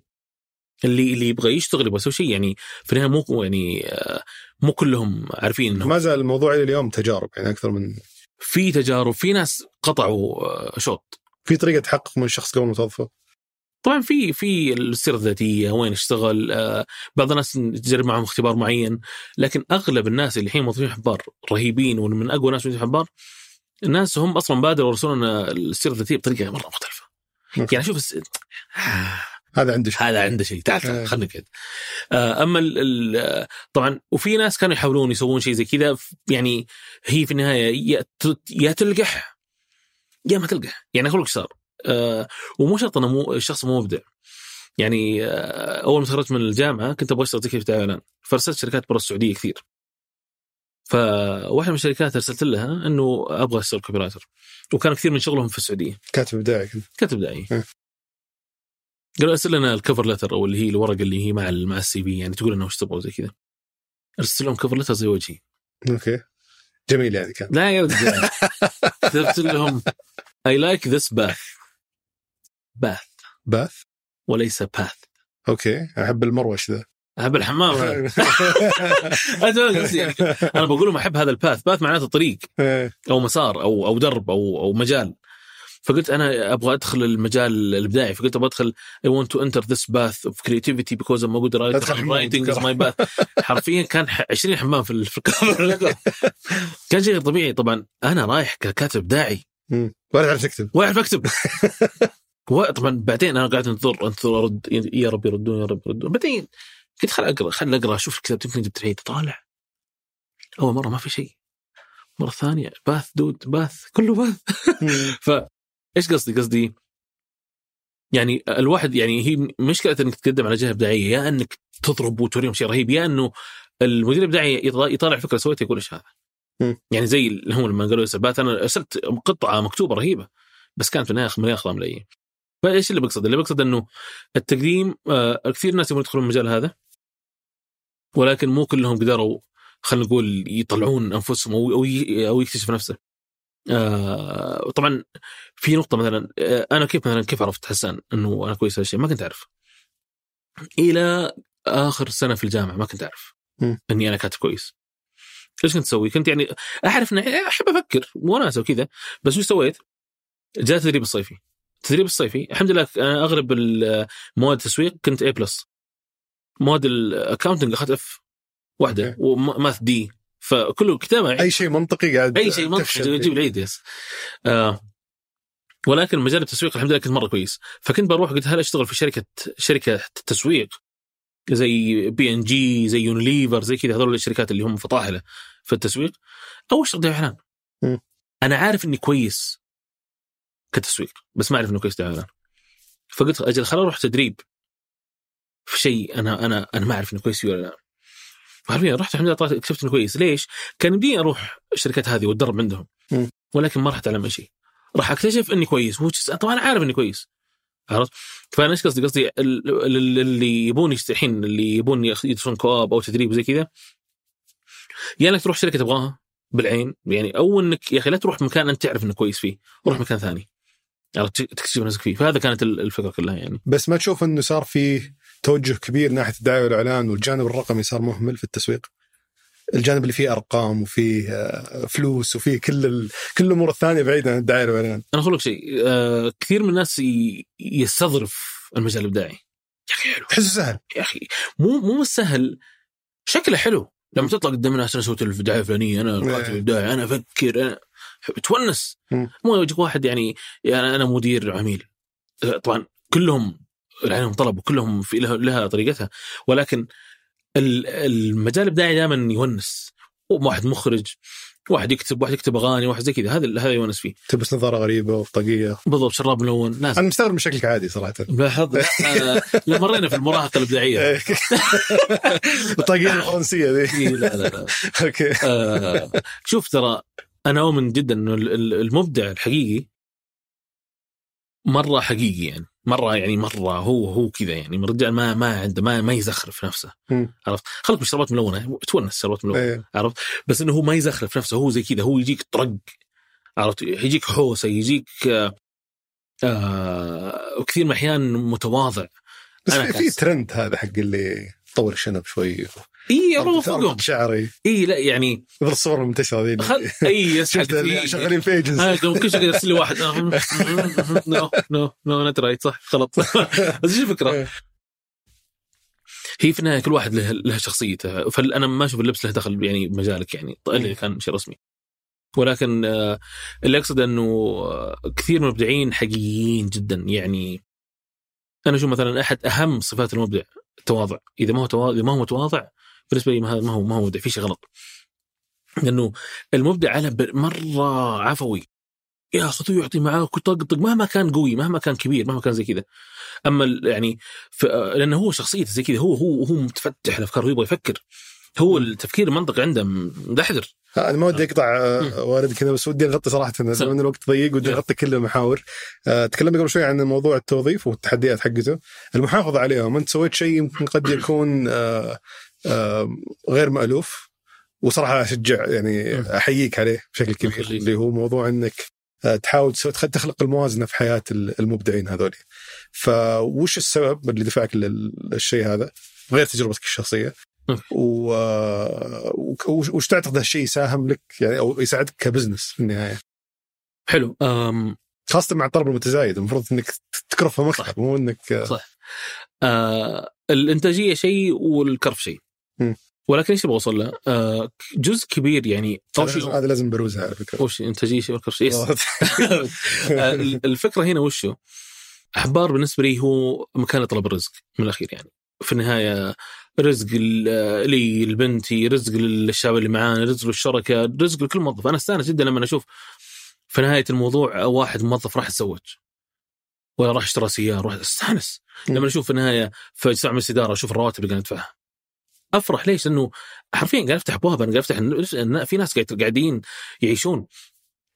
نفس الوقت أزعل لما أشوف أحد سهران الليل أو قاعد يشتغل أو قاعد يكرف مم. الفكرة وشو؟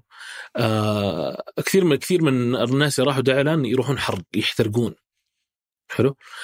هذا كان بالنسبة لي ضد الإبداع تماما. المشكلة هو دائما محجور في المكتب. طب متى يفكر؟ متى يسولف؟ متى يطلع؟ متى يشوف هلا متى يروق؟ أهم شيء متى تشوف أشياء تلهمه أصلا. بالضبط. أهم شيء في في الشخص المبدع مخه. مخه مو مرتاح. مو مسوي شيء. ما راح يقدر يفكر. حلو؟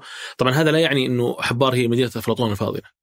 يجي ضغط ويجي ونسهر ونكرف ويجي عميل زين ويجي عميل صعب ويجي عميل متعب ويجي عميل وناسه. حلو؟ ولكن يقول لك إيش؟ يقول لك shoot for the moon even if you miss you land the stars يعني في النهاية أنت روح اشطح روح أبعد شيء تبيه. حاول توصل للقمر. حاول توصل ما القمر قدرت- إذا ما قدرت حتطيح في النجوم. مم. الفكرة وشو؟ اللي ضمن التغييرات اللي سويناها يعني آه، كنا مثلا في حبار آه، في دعوان اللي كنت اشتغل فيها من أول. كانت تيجي الساعة 8 الليل 9 الليل 10 إلى الفجر الاحيان وإحنا قاعدين نشتغل. في حبار قلنا لا قلنا أبغى الساعة 6 قد ما نقدر. فركش. مم. روح بيتكم. أوكي عندك شغل خذ البيت روح روح تكي آه الحمد لله يعني أقدر أقول لك إن حبار الساعة 6 اللي يبقى فيها 10% بس ما ما في احد كلهم رايحين 10 20% إذا في فريق عندهم شغل راح يقعد. إذا في فريق يعني في النهاية آه، يعني آه وفي مرات لا ننكرف. يعني جالي يوم وطني أعوذ بالله طلع 12 فيديو. 12 فيديو قاعد نصور ورا بعض. كان كان في اليوم عندنا ثلاثة ثلاثة مشاريع تصور. نلحق على وش نسوي وش فكان متعب يعني. فتيجي أوقات زي كذا. ولكن أؤمن جدا ما دام عندنا هذه النية إن شاء الله بنوصل. ولو يا رجال يعني نبغى نوصل يعني جزئيا لو وصلنا نصير شوي عادلين. بس متأكد انك انت هذه تنظر برضو لها كميزة في إن تحافظ على ال- ال- على المبدعين عندك في حبار. حلو. من في من المنافس مع الشركات الثانية بس أو من من المنافسين المستحوذون عليهم. آه، بس وش في مزايا ثانية ممكن تقدمها لأشخاص زي كذا بحيث إنهم ما يطلعون باستثناء الراتب هل هي حرب رواتب أو إن المبدعين يدورون أشياء ثانية غير الرواتب في. بيئة العمل؟ خلوا شيء. حبار الحمد لله في ناس قد طلعوا من حبار وبعدين كلموا وقالوا نبغى نرجع. صارت. آه إحنا قسمنا ثلاث اقسام أول شيء بيئة. بيئة ما فيها مشاكل وبوليتكس وخرابيط. ومن تحت لتحت هذه هذا أهم شيء بالنسبة لنا. يعني فلازم تصير البيئة هذه تجيها وأنت مرتاح. بيئة ما ما تشيل هم أحد ما ما ما تسيء الظن بأحد. بيئة حرفيا كأنهم صح يقول لك في ناس إحنا عائلة. يعني حرفيا هذا نبغى نوصل له. مم. ماني ما أؤمن بالشيء ذا على فكرة. الحين بقول لك. أنا, أنا, أنا بالنسبة لي أنا أنا جايك أنا جايك على النقطة هذه. إيه؟ طيب تسمح لي أقول وجهه نظري عشان ترد علي. أنا بالنسبة لي سالفة إحنا عائلة واحدة وإحنا مدري وشو آه، أشوف إنها يعني شيء يقولون الشركات عشان آه، يسيئون آه، معاملة الموظف أكثر ويلعبون عليه بسالفة إنه إحنا عائلة واحدة ومعليش نتحمل مع لا ما إحنا بعائلة إحنا زملاء عمل. صح. وأنا أسوي شغل وأخذ مقابله. انتهى. يا سلام عائلتي في البيت. يس. وفي وفي تغريده في. تغريدة وبوست في لينكدين ضرب. على هالشيء قال إنه أنا أشوف واحد من من كتب والله صراحة. إنه ما أشوف إنه إحنا عائلة إحنا إحنا زملاء عمل. نقول كيف إحنا نطلعها. الحياة هذه صعبة. حياه مهلكة. الحياة كلنا نمر فيها في أشياء غريبة تواجهنا على مستوى شخصي على مستوى عملي على مستوى كلها زي كذا. أنا قاعد في المكتب كم اقعد؟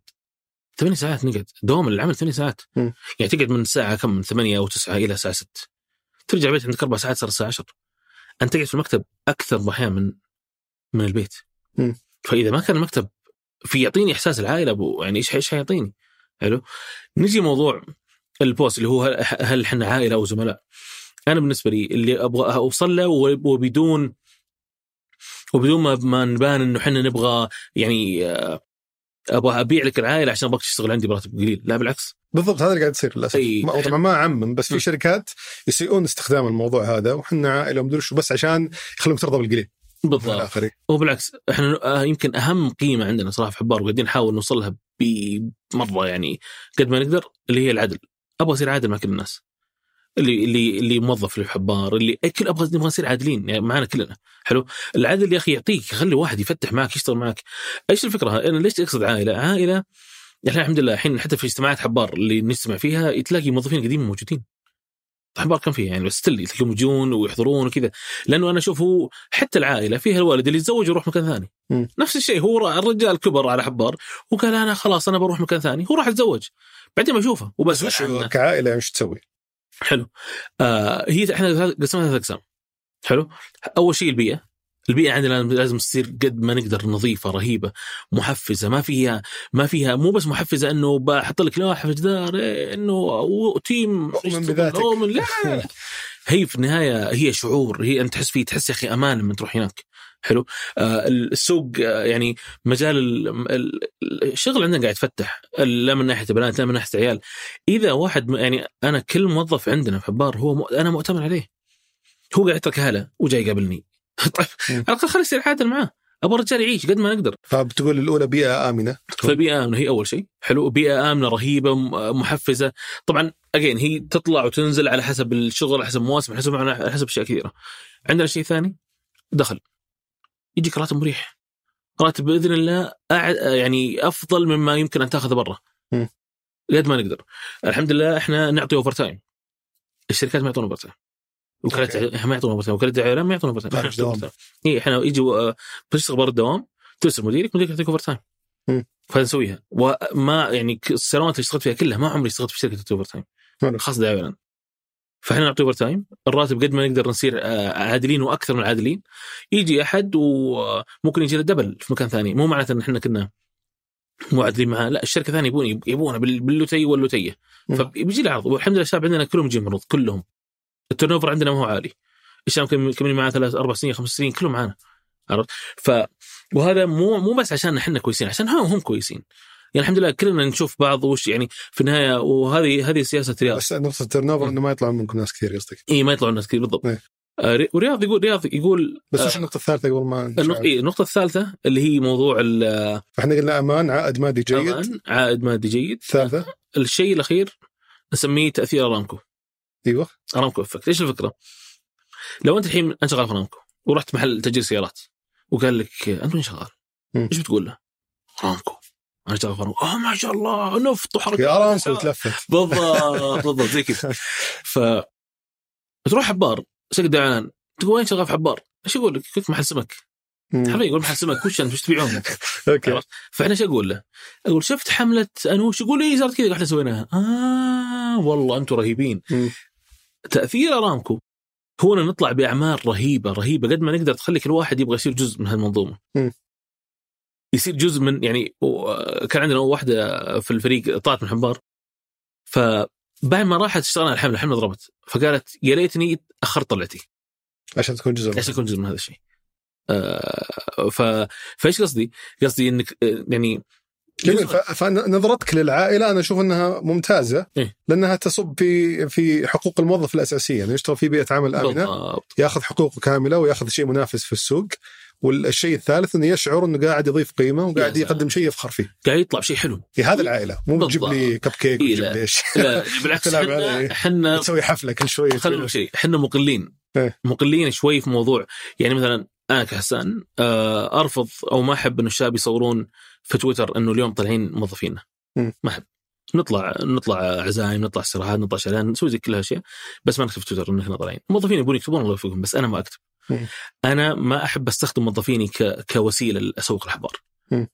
أسوي ايفنت وتصوير يلا وين احبار ولعبناهم كان يعني شنو يعني؟ لا بالعكس. عرفت؟ لأنه آه، آه، في النهاية يعني في النهايه تبغى تصير عادل مع الناس ولا تبغى ولا تبغى تستخدمهم ولا تبغى تستغلهم ولا تبغى زي كذا. ففي النهاية اجين موضوع موضوع إني أحط شعارات وزي كذا حلوة وحنا نسويها بس انه بنسويها بطريقة مرة متخلفة. يعني سوينا مثلا؟ جاء جاء رمضان. الناس حاطين تعليقات إحنا حطينا. تعميد قانا وفرحنا أبو. تعميد؟ تعميد قانا وفرحنا أبو. يعني حتى رمضان صرنا بطريقه مختلفه يعني لطيفة. حطينا كذا لوحة كبيرة لوضع شوربه. إيش رمضان حطينا كذا كويكر. فقصدي وشو؟ التسويق الداخلي يعني أنا مرة يهمني التسويق الداخلي مع الفريق. ليش؟ هو مو معناته إنه إنه أنت تستغلهم أو تست... يعني أنت مثلا خلينا نقول تخيل أنت أنت مضروب كبيئة.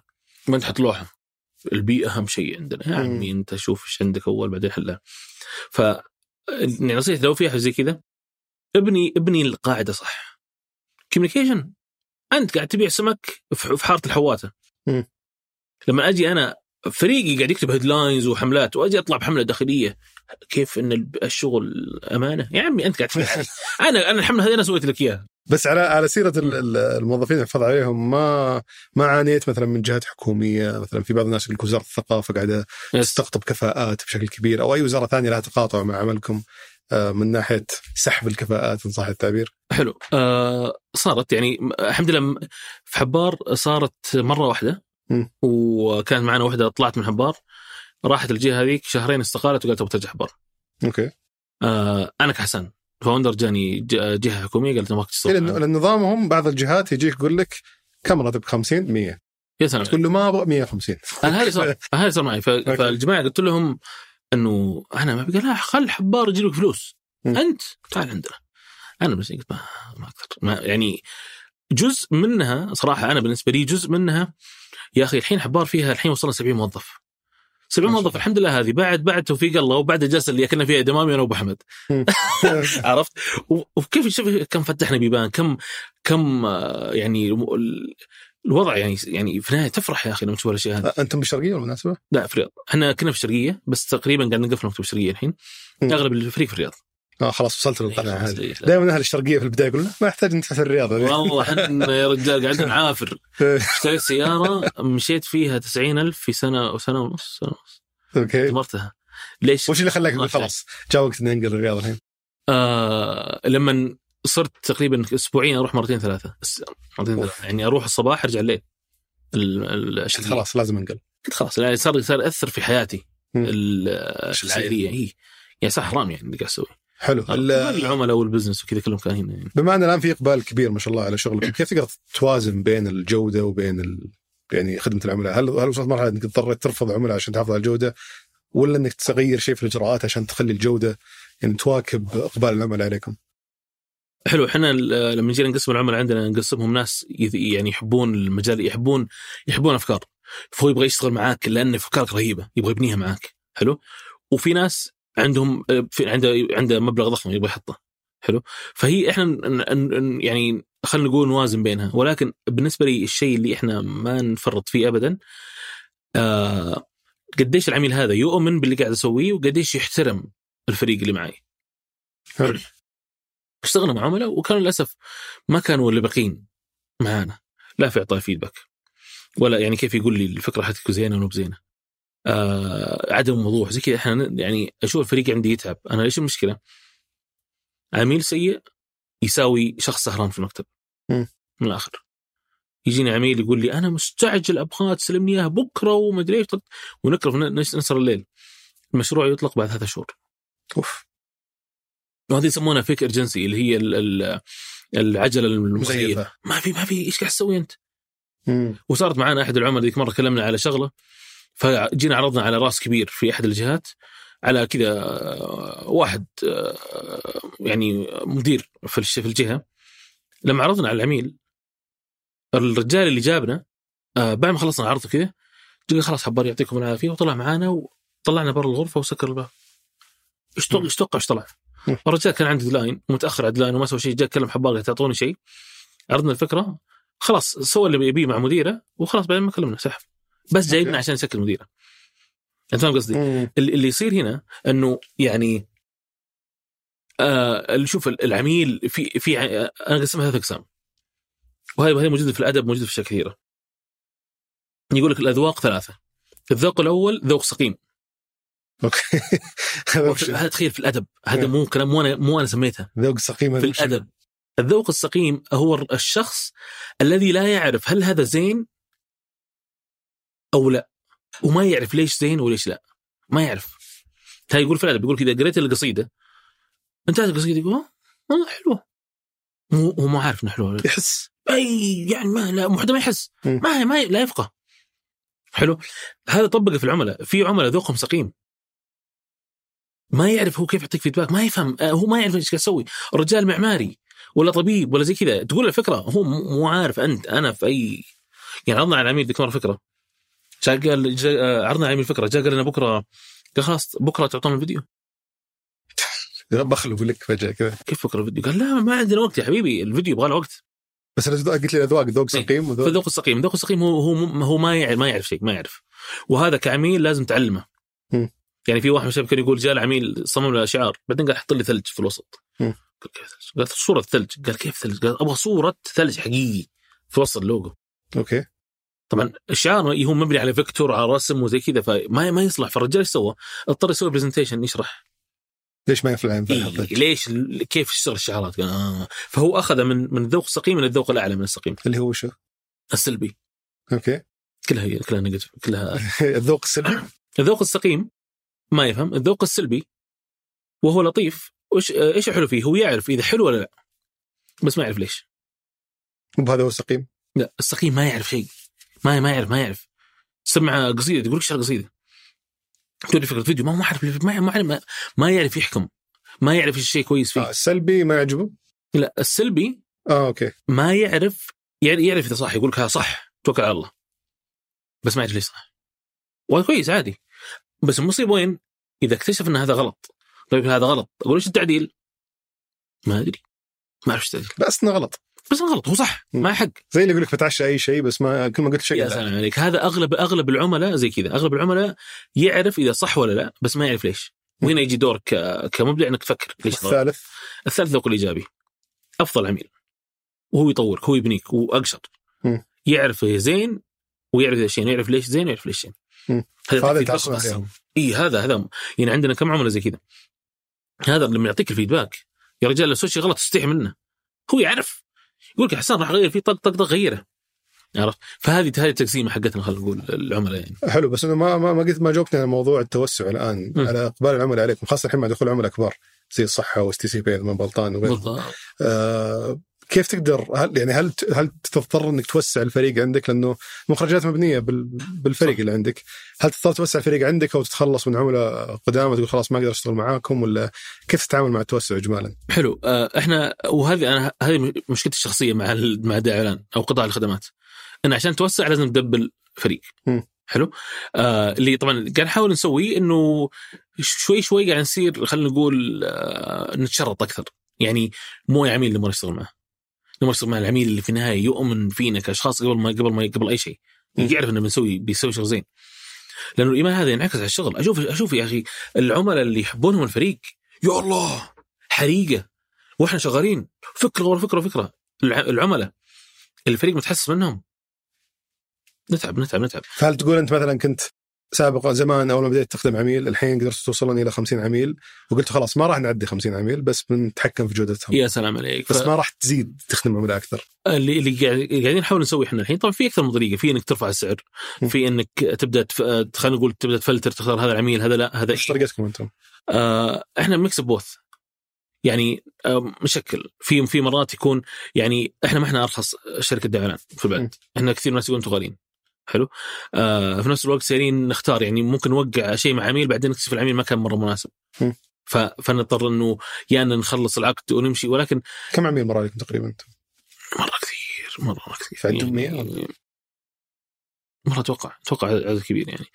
آه ولكن أنا بالنسبة لي أهم شيء في العميل طبعا في أشياء مالية أكيد إنه يدفع إنه زي كذا. ولكن من أهم الأشياء اللي هي اللي هي انه يحترمنا ويثق فينا. هذا الاثنين. إذا موجود الاثنين وانحلت موضوع فلوس طبعا الأشياء هذه وضعك في السليم. غير كذا مهما كان الشخص عنده فلوس في جهات عندها مبالغ ضخمة واشتغلنا معاها ما قدرنا. فصار بلاك ليستد فأنت حاليا لا تبحث ولا قطع كلامك ما تقدر ما تبحث عن التوسع حاليا. أنت تقول بكتفي بحجم معين واستمر أدي بأفضل شيء ممكن في الحجم حلو. إحنا نبغى نتوسع. حلو. بدون ما نأثر على على الجودة قد ما نقدر. آه سواء نزيد فريق المشكلة انه في شح في المجال الابداعي حلو. فالتوسع حقنا صار مربوط بالفريق. هل نقدر نزيد فريق ولا لا؟ نقدر نزيد فريق ممتاز. نتوسع ما نقدر نزيد فريق؟ تبدأ تلعب بجوده العملاء بالاساس أبدأ ألعب جوده العملاء بالضبط. حلو. أنت ما ذكرت على فكرة على طاري الأسعار آه، الهوامش الربح عادة في في المجالات هذه. مو شرط مو بالضرورة حبار بس اجمالا يعني من إلى. يعني لي تحسب التكلفة بناء على الموظفين اللي يشتغلون على المشروع. بس يعني كم تزيد فوقها هامش ربح؟ يعني يعتمد ولكن آه طبعا في القطاع هذا. آه هو بشكل عام القطاع الخدمي يعني يتكلم عن الربح اوفر يعني بشكل عام على الشركة كلها تتكلم على من 10 ل 20% أنت ممتاز. مم. فهذا هذا ال هذا ال هذا الربح بشكل عام على القطاع الخدميه زي قطاع الاستشارات. طبعا في ناس أكيد يتعدونها. بس كل ما تميزت أكثر كل ما صار عندك مساحة إنك بالضبط. تزيد. بالضبط هذا هو. مم. و فهذا بشكل عام هذا ال هذا ال يعني بس هذا الرينج. جميل. ال- آه، نقطة أخيرة بس قبل ما نقفل ال- وش السبب كان إنك جبت مدير عليك فعليا في الشركة؟ آه okay. إنك ما صرت أنت مدير الشركة لأن في ناس تصور عندهم من ال business أنت تصير مدير نفسك وتعرف حلو. الكلام الفاضي لا لا والله ما مدير نفسك فوق 20000 مدير. آه okay. الفكرة كلها أنت وش وش ماسك اليوم؟ أنا مدير ابداعي ما انك انت المؤسس yes والحين في رئيس تنفيذي للشركة. في مدير مدير عام. في م- في رئيس تنفيذي وفي مدير عام. وفي فوقي بندر طويرقي اللي هو آه فوق مديرين أنت؟ yes مديرين ثلاثة يمكن. لا مديرين أو ثلاثة ما متأكد. okay. yes. بس وش السبب؟ حلو. آه هو من جدا يعني في النهاية كل ميسر لما خلق له أنا مسكت الإدارة في حبار بداية حبار قاعد إبراهيم الشيح ال GM قاعد ستة شهور بس يلحق وراي. يسوون الفواتير. هو واحد من الشباب كان معنا كان معي في الجامعة وبعدين جاء معنا وصار مدير حبار. فال GM غير ال CEO فإبراهيم كان يلحقني على الفواتير حسوي الفواتير وين فلوس ما يعرف ولا شيء. كل شيء من امه كل شيء محيوس. أنا زوجتي تسميني تسميني تازا المشاكس تعرف تازا؟ زي كذا. فأنا شركة زي كذا. ف والمسمى بالنسبة لي لا ما هو شيء. يعني CEO حتى يعني حتى founder لا في ال CV كتبها ولا في مكان ولا ما ما احب يعني ما, ما يخلقها يعني. يعني في أماكن معينة حاطة لسبب معين. حلو؟ آه ولكن ما ما يهمني وش المسمى. آه يقول لك آه آه المبدع يقدر يبدا شركات. حرفيا شركات مو شركة واحدة. بس ما يعرف يديرها. راح يجيب العيد ودارها عشان كذا تلاقيه ينقز ينقز من شركة لشركة من شركة لشركة. وش الشيء اللي مخلي حسان يقعد في حبار وفي الأبداعي؟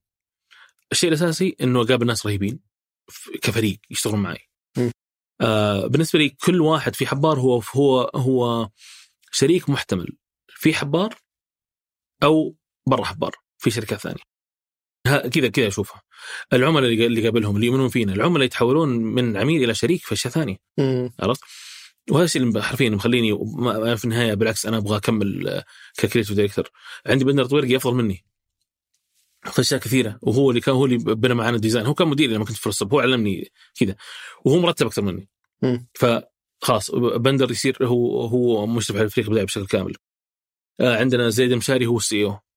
زيد جاء من آه، طريقه من جهة ثانية مختلفة تماما. ولكن في النهاية قاعد يبني process قاعد يبني قاعد يبني قاعد يبني شيء مختلف. أنا لو اشتركت عليه لا أطيق له بالا ولا أحبه. وعندكم برضه اللي استغربت تقول لي قبل الحلقة إنكم ولاول مرة أسمعها انكم كوكاله دعاية وإعلان تستقطبون أحد من عملائكم. yes yes هو وافق عشان انطبق. امرها صح تصير لكن قليل جدا. yes فاللي صار زيد المشاري كان كان عميل معنا في شركة أراسكو. آه كان CMO والحمد لله يعني صار في chemistry لطيفة. فبعدين انضم لنا ك CMO والحين صار CEO في حبار. آه والرجال قاعد يغير واجد. يعني الرجال آه يعني وهذا شيء عجبني في كثير من جهات الدعايه الإعلان يجيبون ناس من ال industry كسي من أو الصناعة نفسها. إي من نفس من مجال الدعايه. آه زيد المشاري ما له دخل في المجال الاعلاني أبد فأكيد في تق- تقارب اراء لازم يصير عشان يفهم إيش نسوي زي كذا ولكن في الأخير آه قاعد يجي بوجهة نظر مختلفة تماما مم. يعني أحد الأشياء اللي اللي يعني إحنا موضوع إن نطلع الساعة 6 وزي كذا الحين النظام إيش؟ الجديد نطلع الساعة 6 من المكتب إيه. النظام الجديد قاعد نسويه نطلع لا ابدر أربعة ونص آه إذا عندك شيء تحتاجه وقت معين تطلع عليه overtime فقصدي هذه كلها الحمد لله مدعومة مننا ومدعومة من برضو من زيد آه ال CEO. آه لو تسألني وش وش وش وظيفة حسان غير creative director؟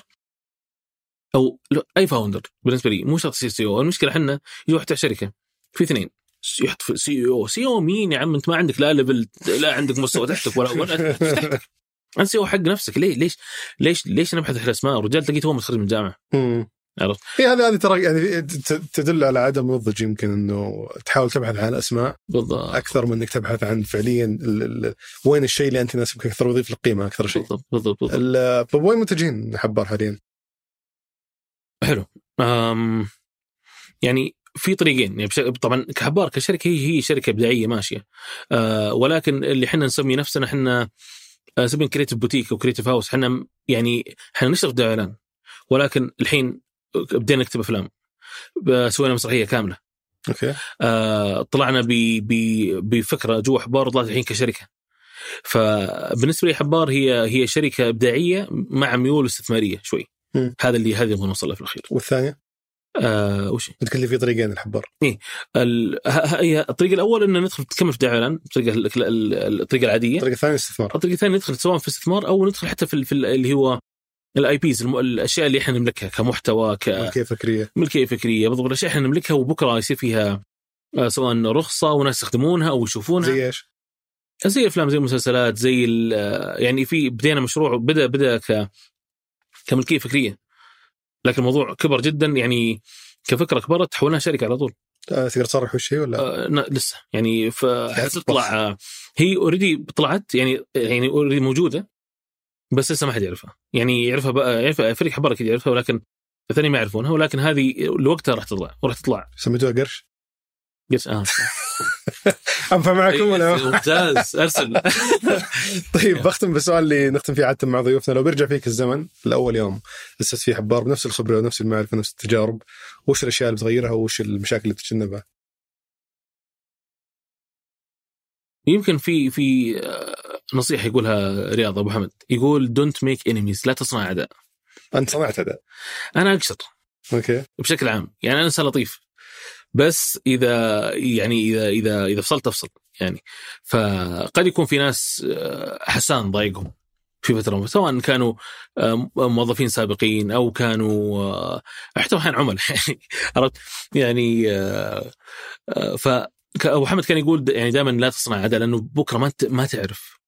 يعني آه، وكثير من الناس قد تكون تختلف معاهم. وطبعا هذا بديت يعني افطن بدري. ف- و وصرنا صرت أشوف إن يعني في ناس قد تبان في البداية إنك أنت أنت ما ما تمشي معاهم. بعدين تلاقي نفسك بالعكس. هو هذا اللي تبيه. عرفت؟ وفي آه، وأنت ما تعرف طريقتك وين راح تروح. وفي مشكلة يعني أنا طحت فيها شخصيا. أنا متأكد إنكم واجهت نفس الشيء. آه، طحت فيها في بداية حياتي العملية. اعتقد إني أقدر ازبد لي احد وأحرق Yes. الجسور وما عندي مشكلة. بعدين تفاجئ بعد مثلا ثلاث أربع سنين في مصالح عند الناس هذول تفرطت أوف ليتني ما ليتني ما خربتها بالضبط. وخاصه إنه يعني أنت حرفيا حبار لو تسألني آه آه يعني هل توقعت النجاح هذا؟ لها يعني ما أقول ما أقول ماني متوقع. يعني الحمد لله كان في كان في عارف إنه إحنا عندنا شيء جيد نبغى نسويه. حلو؟ فكان هذا شوي خلينا نقول مواريها إن شاء الله واضحة كانت. وهو هو ما, ما هو عمل عالي الخطورة. يعني آه، دعوة الان عمل ما هو ابدا. عرفت ترى شيء مرة يعني أوتوماتيكي. تجيك brief تطلع فكرة. مم. شغل الفندق ماشين حق بيبسي عرفت؟ زي كذا. آه ولكن ما تعرف قديش تكبر. يعني الحين الحمد لله حبار السنة هذه آه أخذنا ال CCB الحمد لله ال CB ال CCB بالكامل عمدونا. فحبار الحين. شغاله مع ال CB. وجزء كبير جزء عفوا معين من ال CC القابض لا ممكن. اللي هي الشركة كاملة قصدي. ف ومين معانا؟ معانا تلفاز 11 حلو؟ أوكي. فهي هي كانت في منافسة كان في 15 شركة تقريبا قدموا على ال CC. آه الحمد لله اللي فزنا آه حبار وتلفاز 11 جميل ما شاء الله. ف مع ال- الحين لأن قصدي وش هو؟ وقدموا معكم شركات عالمية بعد. شركات عالمية ومحلية. كلها قدموا بس الحمد لله آه، كنا إحنا اللي اخذناه يعني إيش قصدي هنا؟ قصدي أنت ما تعرف قديش شركتك ممكن ممكن تكبر، ممكن راح تقابل الناس، ممكن زي كذا. كل ما أنت كنت صعب المراس ولا ولا أنت عندك طريقة معينة وزي كذا، كل ما بكرة يعني الناس راح يكشون ما, ما حد يبغى يحط شركته معاك لأنه خايف على على على خاصة. مجالكم يعتمد على العلاقات بشكل كبير بالضبط يعني حتى لو شغل كويس يقول هذا الرجال ما هي لا يشتغلون معه. بالضبط فهذا الحين اللي فالحمد لله يعني موضوع آه، السي سي آه، أنا ما كنت كنت احسبه بعيد جدا. بس الحمد لله يعني قصدي إنه أنت ما تعرف وين راح توصل فانتبه. في النهاية أحبب حبيبك هونا ما عسى أن يكون عدوك أو ناسي البيت آه، يوما ما وأبغض آه، عدوك هونا ما عسى أن يكون صديقك أو حبيبك يوما ما. مم. فقصدي اللي اللي قاعد يصير أنت ما تعرف وين راح توصل فاكبح جماحك آه وفي نفس الوقت آه عليك بأهلك عليك بال يعني يقول لك في يعني مش وين بعيدة بس إنه موضوع يقول لك في ال- في الفتن واحد يقول أمسك عليك أهلك. أنا زي كذا أنا بمسك علي أهلي من أهلي؟ حبار الشر الناس موجودين حبار؟ مم. حلو؟ فقديش يصير أنت راح راح تواجه عملاء صعبين راح تواجه أشياء ولكن في النهاية أنت كيف في النهاية يعني تحمي فريقك وفي نفس الوقت ما توصل مرحلة إنك أنت تحرق جسور أو أو تخرب على نفسك. جميل. الله. يعطيك العافية حسن. سلمت. آه، استمتع جدا يخليك. باللقاء معك الظاهر طول. كم قدم مدري كم ساعتين الظاهر بس إنه آه، النقاش معك لا يمل. كان ودي صراحة في أشياء كان ودي أغطيها لكن أبد خذ راحتك. لعل في المرات القادمة. يعطيك الله. سلمت. الله. يسعدك. شكرا لك. يا هلا يا هلا. هذا كان بالنسبة لحلقة اليوم. شكرا لمتابعتك الحلقة. إذا عجبتك أتمنى تدعمنا بالنشر والتقييم في آيتونز. وإذا عندك ملاحظات يا ريت تشاركني إياها على حسابي في تويتر @دبيان. أو إيميل البرنامج سوالف ثمانية dot com شكرا لفريق سوالف بزنس في الإنتاج فهد قصير في التصوير ياسر آل غانم في التحرير عدي عيسى وفي هندسة الصوت محمد الحسن. شكرا للراعي الرسمي مصرف الراجحي. كان هذا سوالف بزنس أحد منتجات شركة ثمانية للنشر والتوزيع.